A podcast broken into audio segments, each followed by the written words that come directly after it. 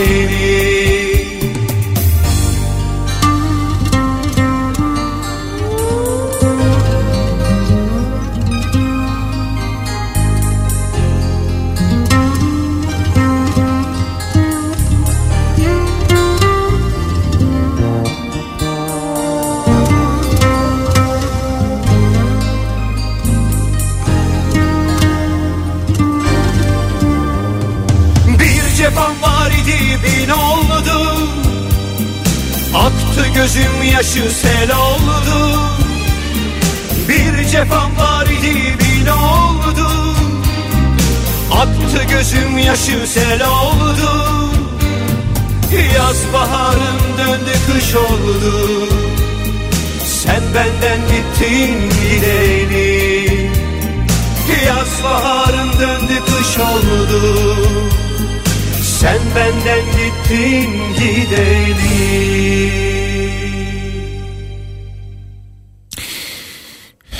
Türkiye'nin en kafa radyosundan, kafa radyodan hepinize günaydın sevgili dinleyiciler.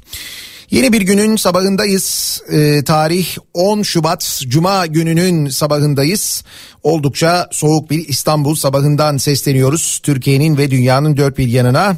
Ve fakat e, bulunduğumuz şehirde e, havanın soğuk olmasının çok bir manası yok. Hepimiz aslında e, zaten deprem bölgesiyle birlikte deprem bölgesinde yaşanan e, soğuğu düşünerek zaten genel olarak üşüyoruz. Sıcaklığın giderek düştüğü e, bir durum yaşıyor şu anda e, deprem bölgesi ve e, kurtarılanlarla ilgili bilgiler de gelmeye devam ediyor. 99. saatte e, kurtulanlar var. E, kurtarma ekiplerinin bölgeye ulaşmasıyla birlikte ve aynı zamanda e, kurtarma ekiplerinin e, ekipmanlarının da ulaşması işte hassas dinleme yapılabilen cihazların ulaşması e, kurtarma çalışmalarının hızlanmasına e, sebebiyet veriyor.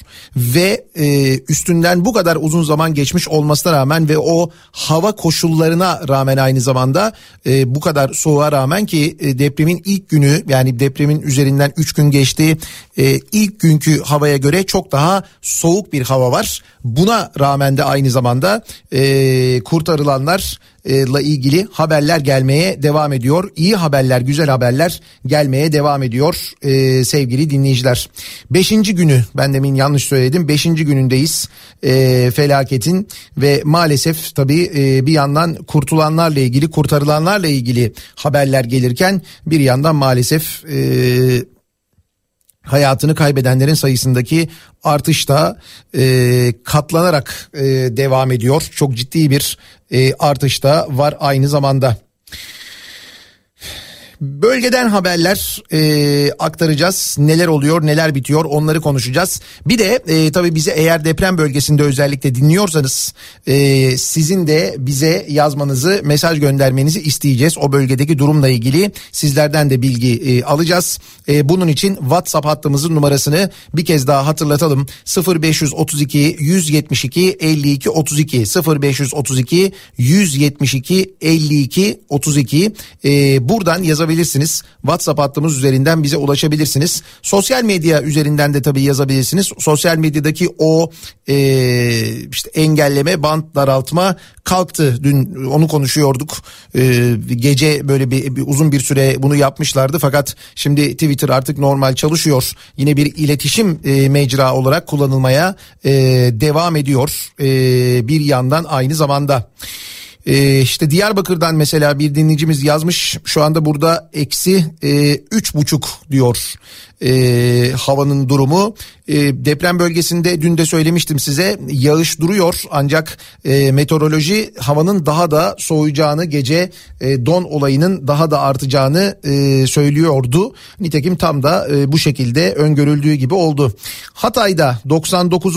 saatte bir kişiye daha ulaşılmış. E, şimdi böyle işte bölgeden görüntüler geliyor kurtarma ekipleri e, profesyonel kurtarma ekipleri, profesyonel ekipmanlar bölgeye ulaştılar artık ve e, tabii üstünden epey uzun bir zaman geçtikten sonra ulaştılar ama ulaştılar ve o e, ekipmanla profesyonel ekipmanla hassas dinlemeler yapılarak hem e, yabancı ekipler hem Türkiye'den ekipler e, o hassas dinlemeler sayesinde enkaz altında canlı olup olmadığını anlayabiliyorlar. İşte bakın şu anda üzerinden 99 saat geçmiş Hatay'da e, yine bir kişiye ulaşılmış. Şimdi onun kurtarılması için e, çalışmalar yapılıyor. Böyle görüntüler böyle haberler gelmeye devam ediyor.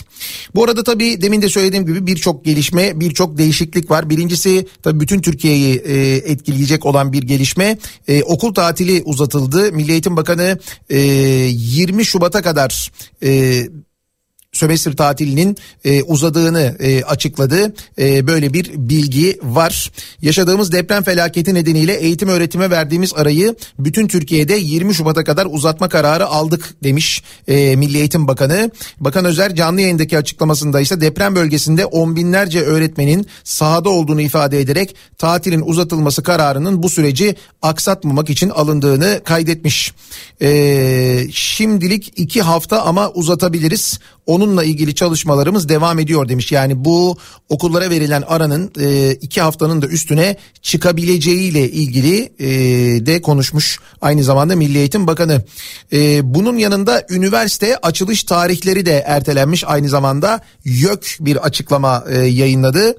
E, diyor ki Kahramanmaraş merkezli 6 Şubat'ta meydana gelen ve 10 ilimizi doğrudan etkileyen deprem nedeniyle bu bölgeden olup diğer illerdeki yüksek öğretim kurumlarımızda öğrenim gören öğrencilerimizin eğitim öğretime katılamayacak olmaları, bu öğrencilerimizden bir kısmının yakınlarının afetten doğrudan etkilenmiş olmaları, yüksek öğretim kurumlarımızdaki başta öğrencilerimiz olmak üzere akademik ve idari personelimizin arama kurtarma yardım faaliyetlerine katılmaları dikkate alınarak bütün yüksek öğretim kurumlarımızda bahar eğitim ve öğretim döneminde ilçesinde döneminin açılışı ikinci bir duyuruya kadar ertelenmiştir denilmiş. E, dolayısıyla hem e, okullarda hem de üniversitelerde eğitime verilen ara e, uzuyor sevgili dinleyiciler.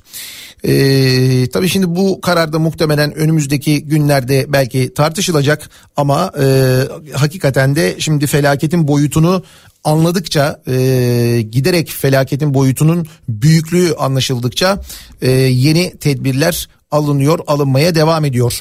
Şimdi deprem bölgesinden e, bilgiler e, geliyor bir yandan oradan e, mesajlar da geliyor bölgeye gidenler geri dönenler var.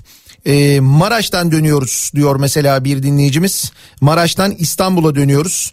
E, şu anda Ankara'dayız. Niğde otoyolunda Ukrayna yardım tırını gördük.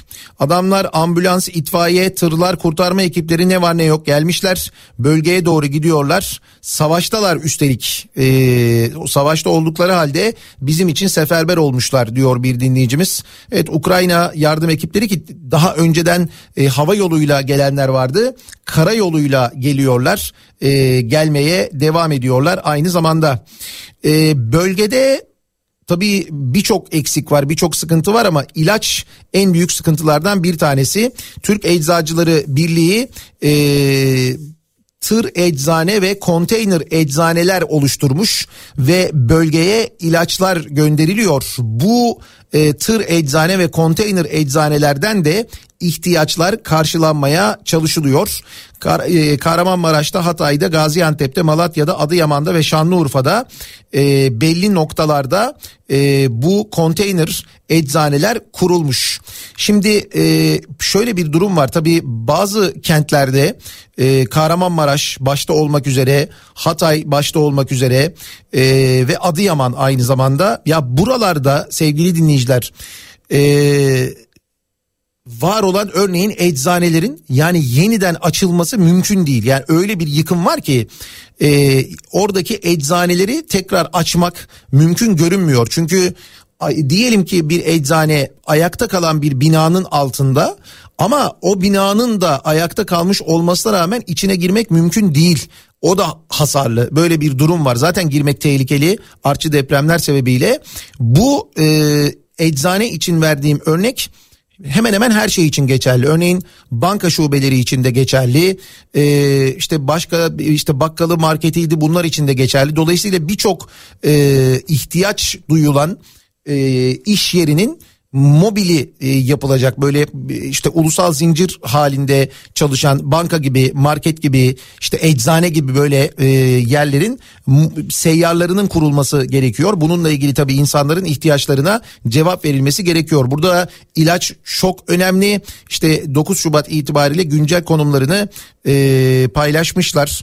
Birçok kentte var. Kahramanmaraş'ta e, Necip Fazıl Şehir Hastanesi e, ek hizmet binasının yanında merkezde ve Afşin ilçesinde Pınarbaşı Afşin Bey Caddesi'nde e, birer konteyner eczane kurulmuş. Hatay'da İskenderun'da İskenderun Teknik Üniversitesi Merkez Kampüsü'nün bahçesinde ve İl Sağlık e, Hatay merkezde de İl Sağlık Müdürlüğü'nün yanında bir eczane kurulmuş. Gaziantep Islahiye'de Islahiye Devlet Hastanesi bahçesinde konteyner eczane var. Malatya merkezde Eğitim Araştırma Hastanesi'nin bahçesinde Battal Gazi Devlet Hastanesi bahçesinde Turgut Özal Tıp Merkezi Hastanesi bahçesinde yine seyyar e, konteyner eczane kurulmuş Adıyaman merkezde Adıyaman Bir Nolu Sağlık Ocağı'nın yanında Besni ilçesinde Besni Devlet Hastanesi'nin yanında Gölbaşı'nda da Gölbaşı Devlet Hastanesi'nin yanında yine konteyner eczaneler var. Şanlıurfa'da ise merkezde Karaköprü Fuar Merkezi'nin bahçesinde e, ve Şanlıurfa Müzesi Otoparkı'nda. Ee, Türk Eczacılar Birliği'ni de ayrıca kutluyoruz. Gerçekten çok hızlı reaksiyon göstermişler. Ben biliyorum e, birçok eczacı e, dostum var, arkadaşım var. Öyle bir e, çaba içindeler ki bölgeye ilaçların ulaştırılması konusunda gerçekten de takdire şayan. Ee, bir yandan tabii deprem bölgesinde e, olmayıp e, mesaj gönderen dinleyicilerimiz aldıkları e, bilgileri e, paylaşanlar var e, aynı zamanda. Öğretmen e, bir dinleyicimiz var bizim e, Zeki öğretmen Gaziantep'ten bize hep mesajlar gönderir. E, şimdi mesela son durumu e, yazmış diyor ki canımızı kurtardık çok şükür bir akrabanın bağ evine sığındık. 20-25 metrekare bir odada 30-32 kişi civarında insan kalıyoruz. Ama içeride 10 kişi yatıyor. Diğer herkes bahçede arabalarda kalıyor. Psikolojik olarak çöktük. Ee, çayın yanında herkese antidepresan e, veriyoruz artık ikram ediyoruz. Söylenecek o kadar çok şey var ki burada yaşananlara dair maalesef küfürsüz konuşamıyorum diyor e, depremzede e, öğretmen dinleyicimiz. İşte barınma ile ilgili tabii çok ciddi bir sıkıntı var. Arabası olanlar arabalarında konaklıyorlar. E, tabii arabada konaklayanlar için bu kez e, ciddi bir akaryakıt ihtiyacı var. Akaryakıtla ilgili akaryakıt firmalarının e, bölgeye e, yakıt gönderdiğini yani böyle tankerlerle yakıt gönderdiğini biliyorum. Fakat dağıtımla ilgili ve istasyonlara yakıtı ulaştırmakla ilgili zaman zaman teknik bir takım problemler yaşanıyormuş. Onun da haberini aldık ama ilk güne göre e, yakıt konusu biraz daha en azından e, çözülmüş gibi görünüyor. Yani e, organize olunduğunu ben biliyorum gerçekten. E, bir de dün yayında konuştuğumuz e, mevzu aslında işte bazı insanlar ki bunlar e, ellerinde cep telefonu e, sıcak evlerinde iş yerlerinde e, deprem öncesinde de ona buna çemkirmeyi kendilerine iş edinmiş insanlar bunlar. Başka bir şeyleri yok çünkü e, başka ezikliklerini bu şekilde tatmin ediyorlar. Şimdi e, depremde de yani deprem sonrasında da şöyle bir şey şöyle bir görev edinmişler kendine. Kime çemkirelim kime çemkirelim şimdi magazin yok ünlü yok bir şey yok. O zaman demişler şirketlere çemkirelim sen ne yaptın sen ne yaptın diye ona buna sürekli böyle sosyal medya üzerinden saldırıyorlar. E, o sen ne yaptın sen ne yaptın dedikleri şirketlerin büyük bölümü e, öyle şeyler yapıyorlar ki ve bu yaptıklarını da e, yaparken öyle bir çaba içindeler ki dönüp bunun gibi tiplere bunu duyurmanın derdinde değiller. E, bu müptezellere bunu duyurmanın derdinde değiller. E, ben işte mesela biliyorum yani birçok böyle büyük kuruluşun, e, büyük şirketin, holdinglerin neler yaptığını e, artık o boyuta gelmiş vaziyette ki dün sordum dedim ki yani ne yapıyorsunuz bir liste olarak verin ki hani en azından radyoda mesela anlatalım yani bunu bunu yapıyorlar falan diye dediler ki bizim derdimiz şu anda o değil. Bunu yazanlar da değil bizim derdimiz. Bizim derdimiz şu anda bölgeye işte şunu ulaştırabilmek bunu yapabilmek ki yaptıkları şeyleri e, duysanız gerçekten de oturur ağlarsınız öyle bir çaba içindeler e, o şirketlerin o bölgede çalışanları var. Önce onların canının derdine düşmüşler. Onların hayatından sağlığından emin olmaya çalışırken bir yandan bir yandan da bölgeye bir şeyler yapabilmenin derdindeler ve yapıyorlar da e, aynı zamanda. Ama ee, işte az önce bahsettiğim müptezeller ki birazdan çok konuşacağız. Böyle müptezel çok gerçekten de farklı farklı şeyler yapıyorlar.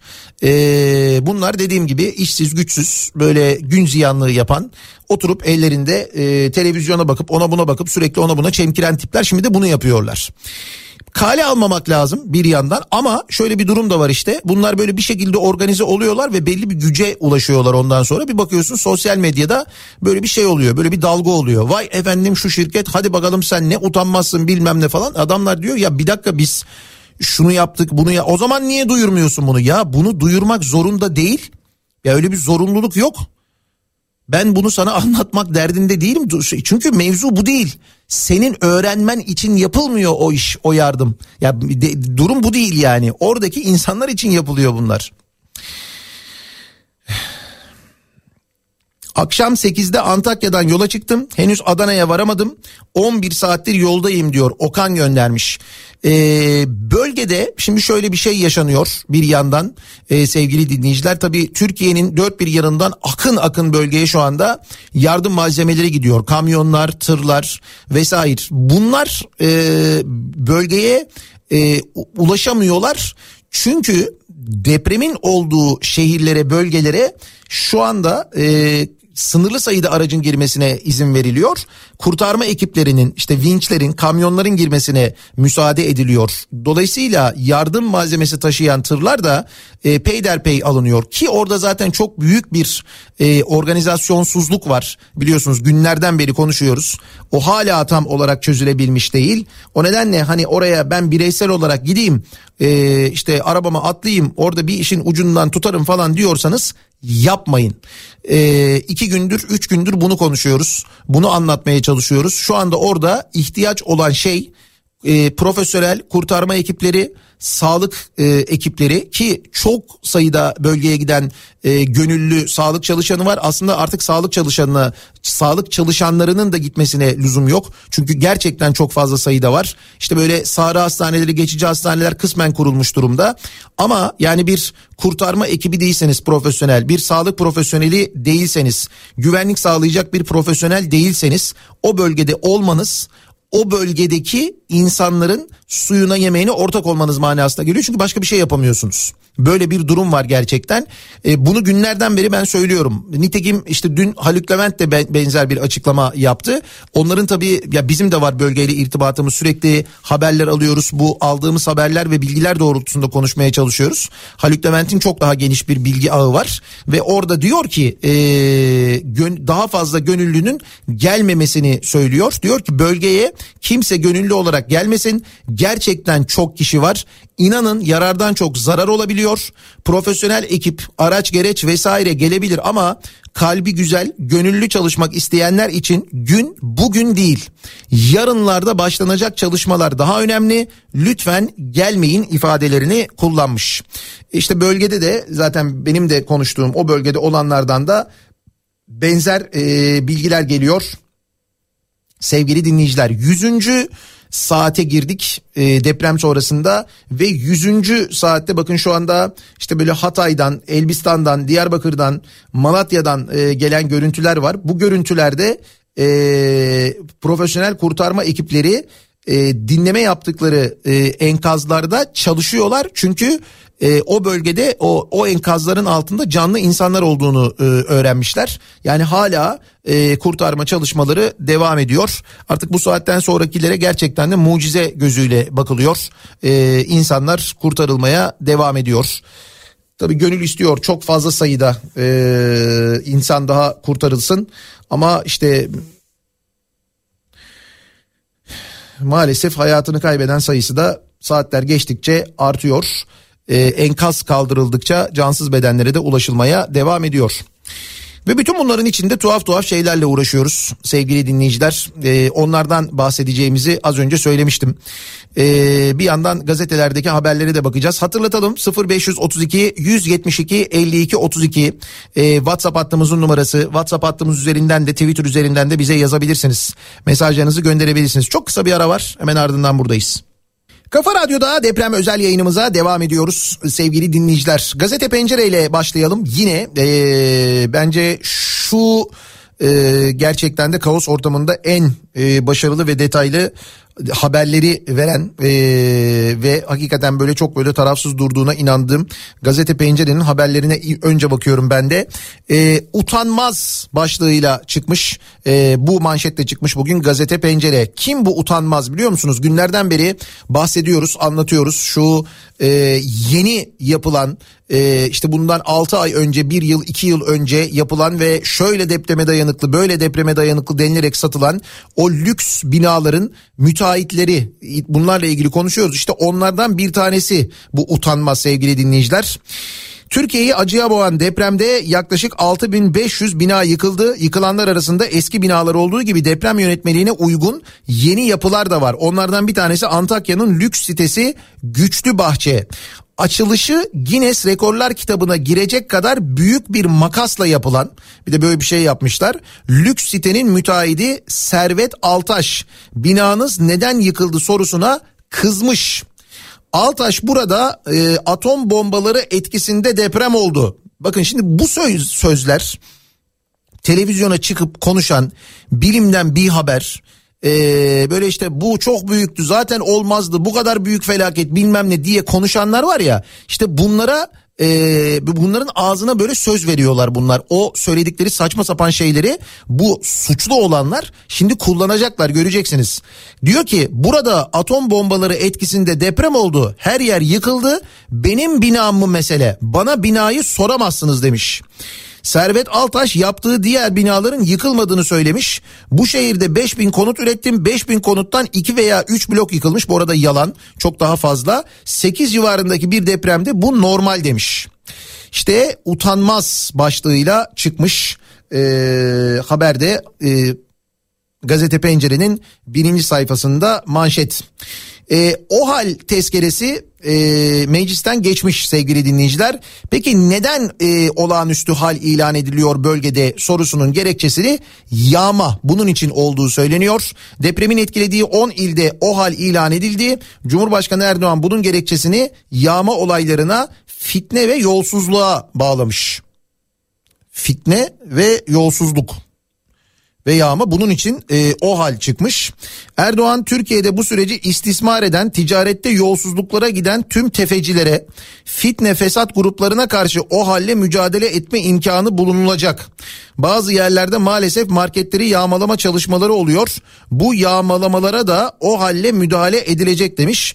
Ee, halbuki İçişleri Bakanı Soylu iki gün önce yağma ile ilgili soruya birkaç münferit durum söz konusu Türkiye'de böyle bir durum yok yanıtını vermiş iddiaları reddetmişti. Hatta yine Cumhurbaşkanı'nın bu açıklaması e, öncesinde ya da sonrasında hemen çok kısa bir aralıkta e, gelen ihbarların yüzde 99,5'u e, sahte ihbar yalan e, ihbar dedi. E, yani böyle bir yağma olayının çok az yaşandığını ya da hırsızlık olayının çok az yaşandığını söyledi. Fakat şimdi bu yağmalarla mücadele etmek için eğer varsa böyle şeyler ki İçişleri Bakanı yok diyor. Diyelim var ki var biliyoruz haberler geliyor o yönde. Bunun için OHAL ilan etmeye gerek var mı?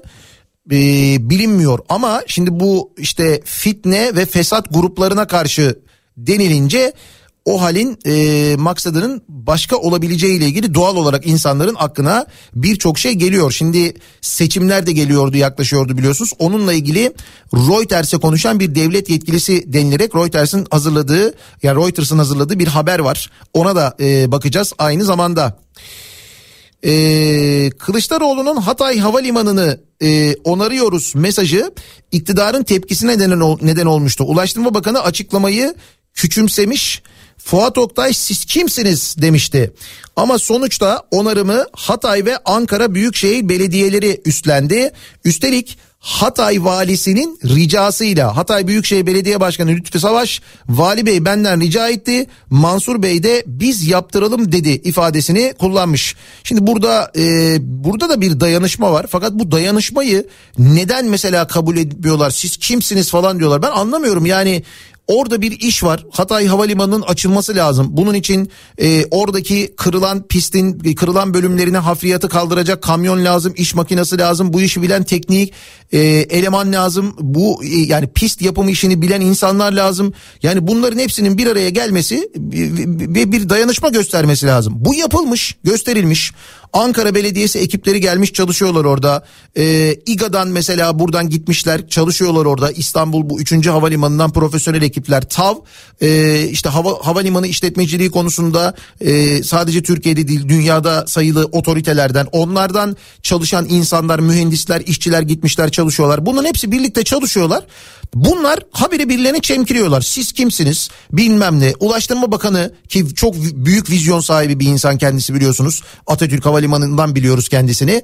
O böyle e, işte açıklamalar yapıyor falan. Bu anlaşılır bir şey değil. Adamların derdi orada çalışmak ve pazar gününe kadar Hatay Havalimanı'nın en azından bir bölümünü açmak. Dün e, bir açıklama yapmıştı o bölgede çalışanlar. E, dediler ki 2 kilometrelik bir bölümünü pazar gününe kadar açacağız. Bu 2000 metre de yardım uçaklarının inip kalkmasına Hatay'a e, imkan sağlayacak diyorlar. İnsanlar bunun derdindeyken bunlar birbirlerine çemkirmenin derdindeler. Hakikaten anlaşılır şey değil ya. Yani biz nasıl böyle mesela bu kadar büyük bir nüfus içinden 85 milyon içinden arayıp seçip bu böyle insanları numune olarak bulup getirip oraya nasıl böyle koyup yönetici yapabiliyoruz ya? Ya bu, bu da büyük bir başarı biliyor musunuz? 85 milyon insan içinden Ulaştırma Bakanı olarak e, mesela işte e, bu e, beyefendinin seçilip oraya konulması gerçekten büyük başarı ya. Gerçekten büyük başarıdır yani. Muhalefet bu arada e, o hal tezkeresiyle ilgili yapılan meclisteki görüşmelerde 3 aylık süreye itiraz etmiş sevgili dinleyiciler. Ve o sırada ne olmuş biliyor musunuz? Bakın şimdi e, şimdi o habere geleyim ben mecliste. E, şöyle bir şey yaşanmış. İyi Parti'nin önerisine AKP ve MHP yanlışlıkla evet oyu vermiş. Şöyle olmuş. İyi Parti o hal süresinin e, bir ay olarak değiştirilmesi konusunda önerge vermiş. Önergenin görüşmesinin ardından meclis başkanı Şentop önergeyi kabul edenler diye oylandığında AKP ve MHP sıralarından da ellerin kalktığını görmüş. E, çünkü işte el kaldır el indir biliyorsunuz zaten yani beylerin görevi. E, Başkan Şentop bir dakika henüz oylama bitmedi diyerek tekrar genel kurula kabul edenler diye sorunca bu kez ha diye sadece muhalefet milletvekilleri el kaldırmış AKP ve MHP'liler indirmişler. Bu kadar da dikkatli çalışıyorlar. Peki sonra ne olmuş biliyor musunuz sevgili dinleyiciler? Bir fotoğraf var. Ben ee, sosyal medyada paylaştım. Bir haber vardı dün bu meclisteki kabul sonrasında yani bu o halin kabul edilmesi sonrasında şöyle bir fotoğraf var Türkiye Büyük Millet Meclisi'nde. Cumhurbaşkanı Yardımcısı Fuat Oktay mecliste bakanlar sırasında oturuyor ve bu o hal tezkeresi kabul ediliyor ve kabul edildikten sonra AKP'li ve MHP'li milletvekilleri kutlama sırasına giriyorlar. Kutlama sırasına giriyorlar. Devlet Bahçeli gidiyor kutluyor. Fuat Oktay şimdi neyi kutluyorlar? Mesela neden kutluyorlar? Neyi tebrik ediyorlar? Hakikaten anlaşılır şey değil. Nedir yani mesela bu ya şu yaşadığımız e, olaylara bakın, şu yaşadığımız ortama bakın. İşte o hal tezkeresi geçti diye kuyruğa girmişler ya fotoğrafı var işte böyle sıraya girmişler milletvekilleri sıra bekliyorlar ki Fuat Oktay'ı tebrik etsinler. Cumhurbaşkanı yardımcısını tebrik etsinler. Türkiye Büyük Millet Meclisi'nde de bu yaşanıyor bu sırada. Düşünebiliyor musunuz? Böyle bir böyle bir şey yaşanıyor mecliste yani. Bunun fotoğrafı var işte. Ki biliyorsunuz o tebrik kuyruklarını biz daha önce birçok olayda da gördük. Görmedik değil aynı zamanda. E, demin Haluk Levent'in açıklamasından bahsettik ya şimdi bakın e, Ahbap Derneği'ne siber saldırı diye bir haber var. Şimdi kiminle konuşsam herkes herkes de e, ortak cümle yani işte depremden konuşuluyor. İşte neler olup bittiğinden konuşuluyor. Oradaki yakınlardan tanıdıklardan konuşuluyor. Neler yapıldığından konuşuluyor. Genelde sohbetler bu sıralamayla gidiyor bugünlerde. Ve bir yerden sonra işte mevzu şeye geliyor. Ahbap, e, ahbaba geliyor işte bak nasıl çalışıyorlar falan filan. İkinci cümle, üçüncü cümle şu. Yakında onu da bitirirler. Yakında ahbaba da çökerler. Ee, Akut'un başına gelen onun da başına gelir görürsün diye hep böyle benzer cümleler kuruluyor. İnsanlar böyle bir şey bekliyorlar. Şimdi e, Ahbap Derneği'ne siber saldırı düzenlenmiş. Haluk Levent'in kurucusu olduğu dayanışma ve paylaşım platformu Ahbap Derneği'ne dün öğlen saatlerinden akşama kadar çok yoğun siber saldırı düzenlendiği öğrenilmiş. Ee, derneğe network sistem ve network desteği veren gönüllü yazılımcılardan edinilen bilgiye göre Ahbap'ın internet sitesine e, dün öğlen saatlerinden itibaren çok büyük bir siber saldırı düzenlenmiş. Toplamda 400 bin saldırı gerçekleşirken bunların yurt içinden ve mobil ağa sahip bir trafikle yapıldığı bilgisi verilmiş. Kimdir e, Ahbap'a böyle bir dönemde saldıranlar sizce? Neden Ahbap'ın e, yardım toplamasını istemiyorlardır sizce? Kim olabilir acaba bunlar? Cevabı e, çok uzaklarda aramaya lüzum yok. E, hem Haluk Levent'e hem Ahbaba hem de e, işte mesela Oğuzhan Uğur'a saldıranlar e, var. Bunlar genelde işte bu Akit başlamış yine. Ondan sonra bu Misvak denen kendine mizah dergisi diyen e, Lağım Çukuru ve bunlar bunun gibiler saldırıyorlar. Neden saldırıyorlar? Neden para oraya gidiyor? Neden yardımlar oraya gidiyor? Neden bu insanlara güveniliyor? Derdindeler çünkü. Çünkü kendi dernekleri var, kendi vakıfları var biliyorsunuz. Bunların e, birçoğu toplum yararına vakıflar diye geçiyor. Mesela Ahbap'ın öyle bir durumu yok. Ahbap'a kimse dememiş ya siz de gelin toplum yararına vakıf olun falan de, denmemiş bu arada.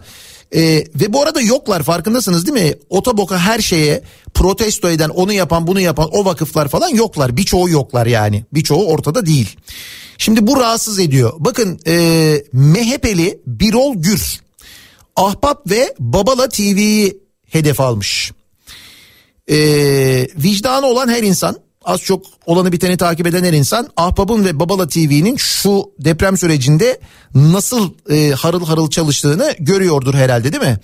Sosyal medya üzerinden neler yaptıklarını, kaç insanın hayatının kurtulmasına sebep olduklarını, kaç insanın enkaz altında e, bulunduğu yeri dikkat çektiklerini, kurtarma ekiplerini oraya yönlendirdiklerini biliyorsunuzdur herhalde. İşte bakın e, bu insanlar için ne yapmışlar? MHP İstanbul İl Başkanlığı görevinden geçen yıl Aralık ayında istifa eden Birol Gür bu İstanbul İl Başkanıymış. Sosyal medya hesabında yaptığı paylaşımla ilk günden itibaren deprem felaketi mağdurlarına yönelik yardım faaliyetlerini sürdüren Haluk Levent'in kurucusu olduğu Ahbap Derneği ve Babala TV kurucusu Oğuzhan Uğur'u hedef almış. Şöyle yazmış. Lütfen yardımlarınızı AFAD üzerinden yapınız. Ahbap burada ahbap büyük harflerle çavuş ilişkileriyle uğursuz burada uğur büyük harflerle Oğuzhan kastediliyor. Oğuzhan Uğur kastediliyor. Uğursuz ellere yapılan yardımların ne kadarı depremzedelere ulaşıyor endişelerimiz var demiş. Peki AFAD'a yapılan yardımların ne kadarı e, depremzedelere ulaşıyor bunu biliyor muyuz? Şimdi bunu mesela bu beyefendiye soruyoruz. Bizim de o konuyla ilgili endişelerimiz var. Çünkü e, dün size uzun uzun anlattım. Sayıştay raporları üzerinden anlattım. AFAD'a aktarılan paraların nerelere gittiğiyle ilgili Sayıştay raporları var. Muhasebe yok ortada demişler. Para nereye gitmiş belli değil. Belediyeye gönderilmiş sonra ne olmuş belli değil. Yardım paraları gelmiş uluslararası kuruluşlardan bu paralar nereye harcanmış belli değil. Kendi depolarındaki stoklarındaki çadırlardan ondan bundan yardım malzemelerinden haberleri yok demişler. Bakın birazdan ben size AFAD'la ilgili daha birçok bilgi vereceğim. Yine ortaya çıkan yeni ortaya çıkan bilgiler. Şimdi hal böyleyken e, diyor ya ben diyor e, işte ah baba e, güvenmeyin uğursuz ellere güvenmeyin nereye ulaşıyor bunlar nereye gidiyor bilmiyoruz diyor ya biz geçmişte e, toplanan yardımların nereye gittiğini de biliyoruz bu arada. Hani bilmiyor değiliz endişemizden değil ba- bayağı bizzat biliyoruz o yardımların nasıl iç edildiğini deniz fenerinden görmedik mi biz? Hatırlayın Bosna Savaşı sırasında toplanan paraların o neydi Süleyman Mercimek miydi? Nasıl iç edildiğini öğrenmedik mi biz? Biz bunları biliyoruz. Şimdi işi layıkıyla yapan düzgün insanlara saldırıyorlar görüyor musunuz? Bir de böyle şeyler yaşıyoruz. Bitmiyor. Gerçekten de bitmiyor sevgili dinleyiciler. Eee... CHP İzmir Milletvekili Murat Bakan depremzedeler için toplanan yardımların bulunduğu tıra AKP Urla ilçe teşkilatının pankartının asıldığını bildirmiş. Bak bir de böyle şeyler yaşanıyor. Bu arada toplayan da Urla Kaymakamlığı. Urla Kaymakamlığı tarafından toplanan yardımlar Urla Afet Yardım Tırı olarak yola çıkıyor. Önünde böyle bir yazı var. Urla Afet Yardım Tırı. Kaymakamlık topluyor bu arada. AKP Urla ilçe teşkilatı arabayı durduruyor. Kendi pankartını asıyor. Yani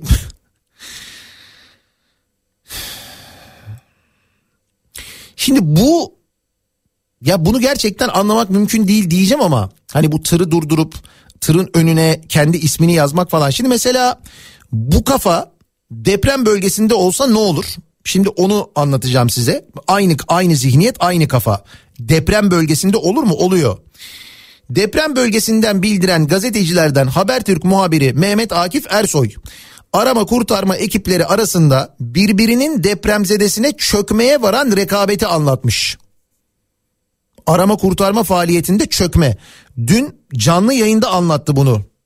Mehmet Akif Ersoy videosu da sosyal medyada var şu anda çok fazla görürsünüz. Ee, Kübra Par'ın aynı kanaldaki Açık ve Net programına Hatay'dan katılan Ersoy bunu çokça yerden duydum. O yüzden paylaşmak durumundayım diyerek anlatmış. Üzülerek çok rahatsız olarak da paylaşıyorum diyen Ersoy sözlerine şöyle devam etmiş. Diyorlar ki arama kurtarma yapıyoruz. Kazıyoruz, kazıyoruz. Tam kişiye ulaşıyoruz.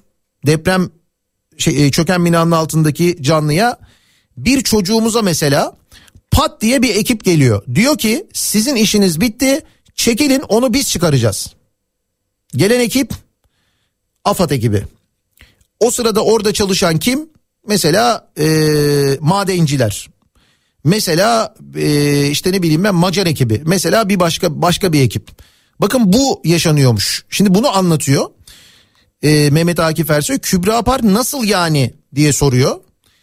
Çıkartıp işte kameraları çağırıyorlar. Çıkarıyorlar falan. Ya bunlara gerek yok diyor. Yani son artık çıkarılma anına geldiğinde oradaki yardım ekibine diyorlar ki siz çekilin kenara. Onlar geçiyorlar. Ee, kameralar çağrılıyor. Kameralar eşliğinde o ekipler çıkartıyor. Kübra Par'ın arama kurtarma çalışanları arasında böyle bir rekabet ve ayak oyunu mu var? Hangi gruplar arasında var diye tekrar sorması üzerine Ersoy şunları söylüyor. Hiç bilmiyorum. Hiçbir önemi de yok benim için hangi grup olduğunun. Yapanlar yapmasınlar. Bu iyilikte yarışma, bu iyilikte yarışmak olmaz. İyilikte yarışmalıyız diyor. Bu arada bunları söylerken Mehmet Akif Ersoy o sırada etrafında yayını izleyenler o bölgedeki depremzedeler de ee, hem onay anlamında kafalarını sallıyorlar ve alkışlıyorlar mevzuyu doğruluyorlar. Bir de böyle şeyler yaşanıyor işte deprem bölgesinden böyle bilgiler de geliyor. Az önce bahsettim size utanmaz başlığıyla çıkmış ya e, gazete pencere oradaki bir müteahhitle ilgili depremde yıkılan binaların müteahhitleri hakkında suç duyurusunda bulunmuş avukat Emrah Altınoğlu. Kahramanmaraş merkezli iki büyük depremde 10 ilde yıkılan binaların müteahhitleri yapı ruhsatı veren, iskan ruhsatı veren, denetim görevini yerine getiren kişilerin taksirle insan öldürmek suçundan yargılanabilmeleri için Hatay Cumhuriyet Başsavcılığına suç duyurusunda bulunmuş ee, ve uzun bir e, değerlendirme de var aynı zamanda. Ee, aslında bu değerlendirmeyi bu suç duyurusunu okumak lazım. Çünkü çok yerinde tespitler var. Diyor ki avukat Emrah Altınoğlu 6 Şubat 2023 tarihinde meydana gelen afet nedeniyle yaşanan can kayıplarından ve yaralanmalardan tespit ettiğimiz ve tespit edilecek bütün kişiler suçun failidir. Olay son derece açık olduğu bazı binalar dimdik ayaktayken hemen yanı başındakilerin çöktüğü altında binlerce insan hayatını kaybettiği yaralandığı ve hala göçük altında kaldığı için bu felaketin ihmal sonucu gerçekleştiği açıktır. Bu tamamen çürük binaları yapan, bunların yanında yapılmasına izin veren, göz yuman, bunların denetlenmeyenlerin sorumluluğudur. Tartışılması gereken belki de kast iradesinin olup olmadığıdır. Suçun manevi unsuru açısından meydana gelen kayıp ve yıkımların salt bir afet nedeniyle meydana geldiğinden söz edilemeyeceği, zira bölgede halen sağlam yapıların bulunduğu, kaldı ki ülkemizin jeolojik özellikleri dikkate alındığında depremin ülkemizde beklenen ve sıklıkla yaşanan bir doğal durum olduğu herkesce bilinmektedir. Bu nedenle suçun manevi unsuru bakımından faillerin öngörüsü bulunmaktadır. Burada faillerin bunu öngörüp kendilerine güvenmeleri nedeniyle hareketlerine devam edip bilinçli taksirle mi yoksa neticeyi öngörmelerine rağmen bunu kabullenip olursa olsun mu dedikleri yani suçu olası kasla mı işledikleri konusunda bir tartışma olabilir. Bu da ancak yapılacak soruşturma ve kovuşturma aşamasında elde edilecek delillerle açığa çıkarılabilir. Bu nedenle bize şu an için bu hukuki nitelikli tartışmasına nitelik tartışmasına girmeden bu aşamada tartışma yaratmamak için TCK'nın 22'ye 3'ten suç duyurusunda bulunuyoruz. Mahkemelerimiz bu konuda birçok karar vermiştir. Ee, Nitekim Ankara Üniversitesi Hukuk Fakültesinde öğretim görevlisi Profesör Doktor Ahmet Kılıçoğlu da depremin hemen sonrasında yaptığı açıklamada bu hususların önemini vurgulamıştır. Müteahhitler, yapı denetim firmaları, imar müdürlüklerinin sorumlu tutulmaları, delillerin kaybolmaması için yıkılan binaların enkazları kaldırılmadan Cumhuriyet savcıları reysen kolon ve kirişlerden örnekler aldırtıp binanın kimliğini etiketleyerek saklamalıdır. Açıklamalarımızın tamamı göz önünde bulundurulduğunda ilgili bölgelerde talep ettiğimiz incelemelerin yapılmasını savcınız açısından tarihi bir sorumluluktur diye e, bence çok da böyle doğru bir suç duyurusunda bulunulmuş. Şimdi bölgeye Adalet Bakanlığı çok sayıda savcı gönderildiğini söylemişti. E, tabii savcılar bir yandan işte ölüm tespitleri falan da yapıyorlar ama e, bir yandan bu konunun da elbette e, şimdiden işte bu konuyla ilgili yargılamaların adaletin sağlanması için hazırlıkların yapılması gerekiyor sevgili dinleyiciler. Acılar katlanıyor. Motosikletle cenaze taşıyanların görüntüsü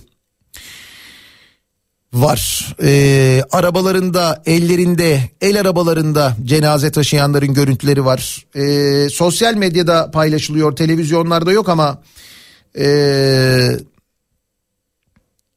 cenazeler yerlerde bekletiliyor. Deprem bölgesindeki en zor anlar diyor gazete pencere. Cenazelerin teslim alındığı ve defin için nakledildiği anlar. Acılı aileler hem cenazeleriyle ilgili defin izni verecek savcı bulmakta güçlük çekiyor. Dedim ya size savcılar bir de bu işlere bakıyor. Hem de defin işlemi yoğunluk sebebiyle zorlukla yapılabiliyor. İşte bu zorlukları gösteren bir fotoğraf Hatay'dan gelmiş. Depremde yakınlarını kaybeden iki kişi araç e, nakil için araç bulamayınca cenazelerini defin için motosikletle taşımışlar. Onun görüntüsü var sevgili dinleyiciler. Gerçekten de yine depremin böyle öf, sembol fotoğraflarından olacak e, bir fotoğraf. Karmaşanın nedeni tek adam sistemi diye depremin dördüncü gününde bölgeye gitmiş İyi Parti Genel Başkanı Meral Akşener açıklama yapmış. Yaşanan aksaklıkları yerinde tespit etmiş ve sorunların yönetim sisteminden kaynaklandığını söylemiş. Bugün keşmekeşin, karmaşanın temel problemi tek adam sistemidir. Hafızanın kaybolmasıdır diye konuşmuş. Nitekim işte dün konuşmuştuk. Borsanın kapanması bile 3 gün sürdü biliyorsunuz. Neden 3 gün sürdü borsa? 99 depreminden hemen sonra borsa kapatılmıştı çalışmamıştı. O 3 gün neden sürdü? Çünkü orada e, karar vericiler tek başlarına karar vericiler diye bir şey yok. Karar verici var artık zaten bir tane. E, diğerleri bir şey yapamıyorlar. Mutlaka bir izin isteniyor. O, o iznin de bu gündemde demek ki alınması 3 gün sürüyor. İşte o bile böyle oluyor. Düşünün ki işte böyle acil karar verilmesi gereken aslında hiç beklenilmemesi gereken durumlarda da bu aksaklığa sebep oluyor.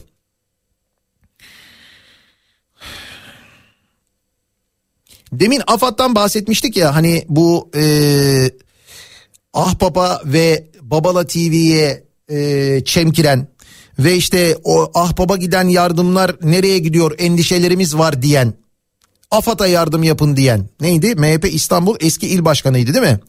Şimdi AFAD'la ilgili konuşalım. Ee, AFAD raporunu bir başka AFAD raporunu dün Sayıştay raporlarından konuşmuştuk. Kılıçdaroğlu AFAD'ın raporunu göstererek seslendi. Şimdi ben nasıl susayım demiş. CHP lideri Kılıçdaroğlu sosyal medya hesabından paylaştığı videoda AFAD'ın Düzce Gölyaka depremi sonrasında ki çok yakın zamanda oldu biliyorsunuz. Düzce Gölyaka depremi sonrası hazırladığı raporu göstererek sevgili halkım AFAD kendi röntgenini çekmiş. AFAD'ın onurlu bürokratları tümüyle bunları yazmışlar ama dinleyen kim? Şimdi ben nasıl susayım demiş. Bakın AFAD'ın kendiyle ilgili hazırladığı rapor. Eee... Kılıçdaroğlu AFAD'ın Düzce Gölyaka depremi sonrasında hazırladığı raporu göstermiş. Ee, AFAD ve Cumhurbaşkanı Erdoğan'a tepki gösteren Kılıçdaroğlu şunlara söylemiş. Şunları söylemiş. Demiş ki neyle karşı karşıya olduğunu halkımızın bu saray siyasetinin bizi nereye getirdiğini ve sözde siyaset üstü dayatmasını neden kabul edemeyeceğimi size bu sefer resmi bir rapor üzerinden anlatacağım. Bu raporun giriş bölümündeki bir cümleyi okuyorum. Neden bu raporun hazırlandığı burada yazılı. Afet risklerinin çok yüksek olduğu ülkemizde meydana gelebilecek benzer olaylarda afet yönetimine katkı sunması amacıyla hazırlanmıştır. Raporun başlığında böyle yazıyormuş. 23 Kasım 2022'de yani iki buçuk ay önce Düzce'nin Gölyaka ilçesinde 5.9'luk bir deprem oldu. Can kaybı yoktu. 96 kişi yaralandı. Görece küçük bir depremdi. Deprem sonrası AFAD tarafından bir analiz raporu hazırlandı. Bakın AFAD'ın kendisi hazırlıyor bu raporu. O raporda AFAD ne diyor? Özetliyorum. Koordinasyon sağlayamadık diyor. Toplanma alanı yanlış seçildi diyor. Yardımlar geç geldi diyor. Çadır takibini yapamadık diyor. Bakın sadece Düzce'den bahsediyoruz. Sadece bu yani bu, küçük bir bölgeyi etkileyen can kaybının olmadığı bir depremden bahsediyoruz. O deprem sonrası AFAD'ın kendi analiz raporu bu. Görevli personelin takip ve koordinesini sağlayacak birim yoktu diyor. Koordinasyon birimi oluşturulamadı diyor. Yemek dağıtımında sorunlar yaşadık diyor. Afet nakliye personeli ancak iki gün sonra Düzce iline ulaşabildi diyor. Deprem sonrasında zarar tespit sürecine bile yetersiz kaldık diyor. Düzgün bir zarar tespit ekibi kuramadık diyor. İnşaat mühendisleri yerine öğretmen ve imamlardan ekip kurduk diyor. AFAD kendi röntgenini çekmiş. AFAD'ın onurlu bürokratları tümüyle bunları yazmışlar ama dinleyen kim? Şimdi ben nasıl susayım? Söyleyin bana Allah aşkına ben bunlara karşı nasıl susayım? Siyaset üstü mü diyeyim? Bunları görmeyeyim mi? Kader planı mı diyeyim? Diyor. Ee, Kemal Kılıçdaroğlu. En son Erdoğan'a bir cümlesi var. Erdoğan seninle sonuna kadar mücadele edeceğiz. Bizim de kader planımızda bu varmış diyor. Şimdi ee, işte AFAD'a yardımda bulunun ee, biz ahbaba güvenmiyoruz deniliyor ya. Şimdi böyle bir kampanya başlatılmış vaziyette ya. Ee, ve böyle bir raporu da aktardı ya Kılıçdaroğlu okuduk. Dün ben size e, hatırlayacaksınız e, Barış Pehlivan'ın yazısını okumuştum. Orada aslında Gamze Taşçıer'in e, CHP milletvekili Gamze Taşçıer'in düzenlediği basın toplantısındaki bilgiler ki o bilgilerde Sayıştay raporlarıydı aslında ve depremden e, iki ay önce e, iki ay mı iki hafta önce 15 gün önce Gamze Taşçıer bunu mecliste bir basın toplantısı duyurmuştu anlatmıştı e, AFAD'la ilgili daha deprem yok ortada AFAD'la ilgili Sayıştay raporlarını gündeme getirmişti. Şimdi e, çok yakın bir zamanda meydana gelen deprem sonrasında AFAD'ın kendi hazırladığı analiz raporunu dinlediniz değil mi? Peki neden böyle diye insan doğal olarak soruyor. Neden böyle biliyor musunuz? Bakın şimdi ben size onun neden böyle olduğunu aktarayım. Cumhuriyet'ten Işık Kansu'nun haberi bu. E, AFAD üst yönetiminde AKP'li bakanların akrabalarından Diyanet görevlisine e, CHP Genel Başkanı Kılıçdaroğlu'nun uğradığı 2019 çubuk saldırısı dönemindeki kaymakama değin kimlerin hangi isimlerin görev yaptığı belirlenmiş. Bunu haberleştirmişler sevgili dinleyiciler. Bakın işte dün mesela bir tanesi e, anlatmıştım size Diyanet kariyerini. Adamın AFAD'la tek yakınlığı Diyanet'le AFAD binasının Eskişehir yolunda yan yana olması. Başka AFAD'a hiçbir yakınlığı yok. Afetle ilgili hiçbir bilgisi yok. Afet sonrası kurtarma müdürlü müdürü olmuş. Şimdi anlatacağım onun onu da bahsedeceğim ama bakın başka kimler varmış orada. Birinden bahsetmiştik ya biz. Şimdi e, Uğur Sezer AFAD Başkan Yardımcısı. E, Isparta Aksu Karaman Başyayla Şanlıurfa Hilvan ilçelerinde kaymakamlık yapmış. Şanlıurfa Vali Yardımcılığı yapmış. 2018'de Ankara'nın Çubuk ilçesinin kaymakamı olmuş. Eee böyle afetle ilgili falan bir şeyi yok bir deneyimi yok bu arada. Ee, peki ne özelliği var? CHP Genel Başkanı Kılıçdaroğlu'nun şehit cenazesinde uğradığı saldırı sırasında Çubuk kaymakamıymış. Saldırıdan birkaç ay sonra mülkiye müfettişi olan Sezer bir ay önce de AFAD Başkan Yardımcılığına getirilmiş. Önce mülkiye müfettişi olmuş sonra AFAD Başkan Yardımcılığına getirilmiş kaymakam. Devam ediyoruz. AFAD Başkan Yardımcısı bir tane daha Hamza Taşdelen. Geçmişte eğitim ve sağlık sektöründe de çalışmış olan Taşdelen AKP iktidarı döneminde AKP'ye yakın Siyaset Ekonomi ve Toplum Araştırmaları Vakfı SETA var ya Orada proje koordinatörlüğü yapmış.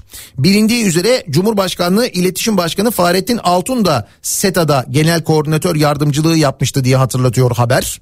Sonra SETA'daymış. Şimdi AFAD Başkan Yardımcısı olmuş. Nehar Poçan AFAD Barınma ve Yapım İşleri Genel Müdürü. Çevre ve Şehircilik Bakanı Murat Kurum'un eniştesiymiş. İçişleri Bakanı Süleyman Soylu'nun yakın çalışma arkadaşıymış. AFAD'a atanmadan önce İçişleri Bakanlığı'nda müşavirlik yapmış. Ardından Emniyet Genel Müdürlüğü İnşaat ve Emlak Dairesi Başkanlığı'na getirilmiş. Sonra AFAD Barınma ve Yapım İşleri Genel Müdürü olmuş. İsmail Palakoğlu dün konuşmuştuk. AFAD Afetlere Müdahale Genel Müdürü bu da. Afete Müdahale Genel Müdürü yani şu andaki bütün organizasyonun genel müdürü bu. Afşin İmam Hatip Lisesi, Ankara İlahiyat Fakültesi mezunu, Türkiye Diyanet Vakfı Genel Müdürlüğü, Türkiye Diyanet Vakfı Mütevelli Heyeti ve İcra Kurulu üyelikleri yapmış. Diyanet İşleri Başkanlığı, Başkanlık Müşavirliği, Yönetim Hizmetleri Genel Müdürlüğü gibi yerlerde görevler üstlenmiş. Sonra yan binaya geçmiş. AFAD var yan binada. Ee, A- AFAD Afetlere Müdahale Genel Müdürü olmuş. Gördüğünüz gibi afet konusunda müthiş bir kariyeri var kendisinin. O nedenle değerlendirilmiş ve oraya genel müdürü yapılmış. Mustafa Havan, AFAD Yönetim Hizmetleri Genel Müdürü, AKP'li Kadir Topbaş'ın İstanbul Büyükşehir Belediye Başkanlığı döneminde İSKİ Destek Hizmetleri Dairesi Başkanlığını yürütüyormuş. Geçen Ocak'ta AFAD'daki görevine atanmış.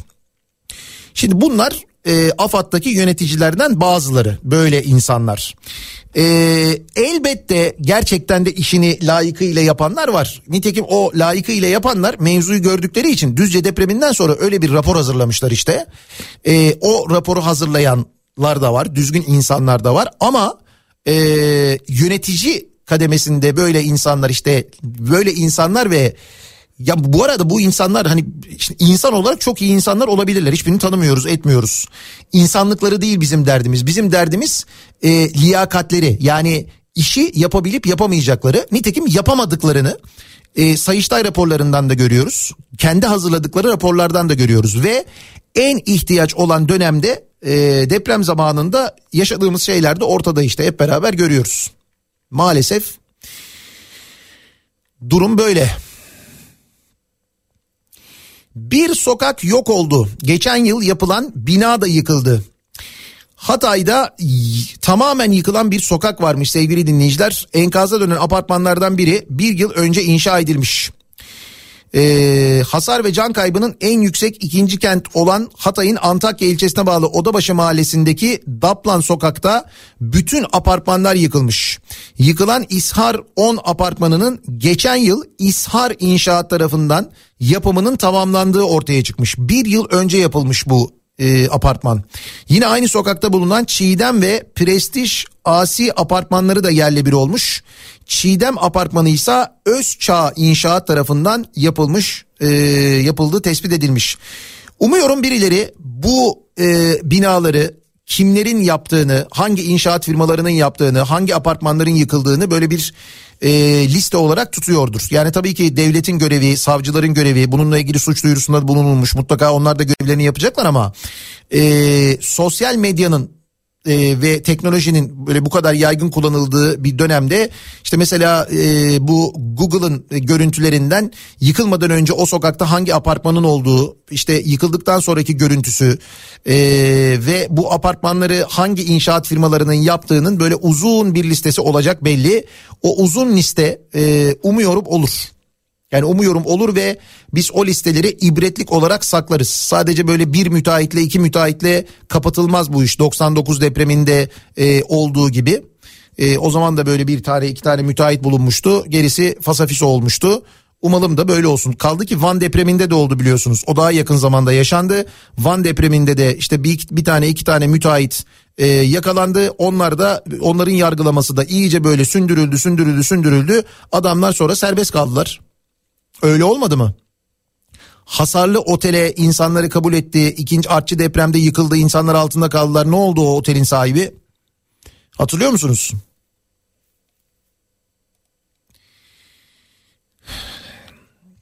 Gazetelere bakalım. Sözcü gazetesi bu mu kader manşetiyle çıkmış, bu soruyla çıkmış. İktidar deprem için kader diyor ama bu mu kader diye soruyor. Ee, yıkılmış bir enkaz e, bu enkazın üstündeki parçalanmış kolonlar ve bu kolonların üzerinde çeşitli başlıklar. Ee, rüşvet, imar barışı, bir şey olmaz, kader, boş ver, rapor yok, deniz kumu, zayıf temel, sorumsuzluk, fıtrat, liyakatsiz bürokrat, denetimsizlik, hırsız müteahhit, rant bütün bunlar bir araya geliyor. Ondan sonra deniyor ki kader planı. Şimdi sen bütün bunları yapıyorsun. Bütün bunlara göz yumuyorsun. Defalarca imar barışı çıkartıyorsun. Bu binaları görevin olduğu halde denetlemiyorsun. Denetleyecek mekanizmayı iyice böyle delik deşik hale getiriyorsun. Ondan sonra diyorsun ki kader. Maden faciaları için fıtrat diyen iktidar depremden sonra da kader planı dedi diyor Sözcü'deki haber. Oysa kader denilen bu acı tablo yıllardır süren ihmal, umursamazlık, rant hırsı, boş vermişlik, denetimsizlik, bilimi dışlama ve hatalar silsilesinin sonucu. İktidarlar bilim insanlarının Türkiye bir deprem ülkesi önlem alın uyarılarını dikkate alsa, kaçak yapılara imar affı çıkarmasa, kamuda bu işlere bakan birimlere liyakatli kişileri atasa böylesi ağır yıkımlar, böylesi büyük can kayıpları yaşamayız diyor. Ee, Sözcü gazetesi. 2 Şubat 2020'de mesela bir manşeti varmış sözcünün onu hatırlatıyor. 20 yıldır deprem konusunda sadece konuşuyoruz. Meclis kesinlikle imar affı çıkarmayın dedi. İktidar tam 7 kez imar affı çıkardı diye 2020 senesinde bu manşette çıkmış. Sonuç işte sonucu hep beraber görüyoruz. Gözümüzün önünde o Hasan Kaçan'ın oynadığı imar affı reklamı var. Meral Akşener'in bölgede e, yaptığı açıklamalar yine Sözcü'nün birinci sayfasında var. Depremin merkez üssü Kahramanmaraş'ta depremzedeleri ziyaret eden İyi Parti lideri Meral Akşener e, izlenimlerini Deniz Zeyre'ye aktarmış. Beceriksizlikle karşı karşıyayız. Hataların tek sorumlusu Erdoğan'dır. Millet devleti enkazın altından çıkarıyor demiş. Millet devleti enkazın altından çıkarıyor demiş. Ee, ünlü sanatçının kurduğu derneğe yardım yağıyor haberi yine sözcüde var. Afat İban verdi ama millet Haluk Levent'e veriyor. Yardımları oraya gönderiyor. Ee, az çok rakamları biliyorum sevgili dinleyiciler. Gerçekten de e, AFAD'a gönderilenin çok ama çok üstünde e, yardım e, Ahbap'a gönderiliyor. Ve e, bu belli ki rahatsızlık yaratıyor. Yani biz e, bugün yarın öbür gün göreceksiniz e, gerçekten de e, işte ahbapla ilgili neler neler uyduracaklar neler yapacaklar hep beraber göreceğiz. Devlet her afette olduğu gibi depremden sonra vatandaşa IBAN verdi. AFAD'ın hesaplarına yardım istedi. Ancak vatandaş yardım bağışlarını sanatçı, sanatçı Haluk Levent'in 5 yıl önce kurduğu Ahbap Derneği'ne e, yağdırıyor diyor e, Sözcü gazetesindeki haber. Az önce bahsettiğim o depremzedenin acı fotoğrafı e, motosikletle cenazesini kefene sarılmış cenazesini taşıyan depremzedelerin fotoğrafı yine Sözcü gazetesi, e, gazetesinin birinci sayfasında yer alıyor. Ee, iktidar çözüldü, halk kenetlendi manşeti bir gün gazetesinde iktidar şaşalı görüntüsüne rağmen parça parça dökülürken yurttaşın dayanışması toplum ve ülkeyi ayakta tutmayı başarıyor diyor. Bir gün gazetesi manşetindeki haberde. Maraş'ta yaşanan deprem gösterdi ki AKP iktidarı 21 yıl sonra herhangi bir kriz durumunda inisiyatif alacak, müdahale edecek hiçbir kurum bırakmadı. Depremin ilk 36 saatinde iktidar televizyonlar dışında neredeyse ortada yoktu. Kurtarma faaliyetlerinde faaliyetlerinden şehirlere ulaşmaya ve yurttaşın gıda, ilaç ihtiyacına kadar tam anlamıyla sınıfta kaldı. Manzara o kadar kötü ki ancak o hal çıkararak ve muhalefete saldırarak durumun üstesinden gelmeye çalışılıyor. Başarısızlık ve çözülme karşısında başta yurttaşlar olmak üzere yerel yönetimler, meslek odaları, sendikalar ve siyasi partilerin olağanüstü çabasıyla kentlerle birlikte insanlar da yaşama tutundu. Yardımlar bölgeye ulaşırken kurtarma ekiplerinin depremden 4 gün sonra bile onlarca insanı enkazın içinden çekip çıkarması tüm bunlar ilk 36 saat içinde olsaydı dedirtti. Öfkeli yüzüyle iktidar bölgede varlığını hissettirirken halk birbirine şefkatle sarılmaya devam ediyor diyor Bir Gün Gazetesi'ndeki haber. Her bir dakika acı ağırlaşıyor. Koordinasyonsuzluk tabloyu ağırlaştırıyor.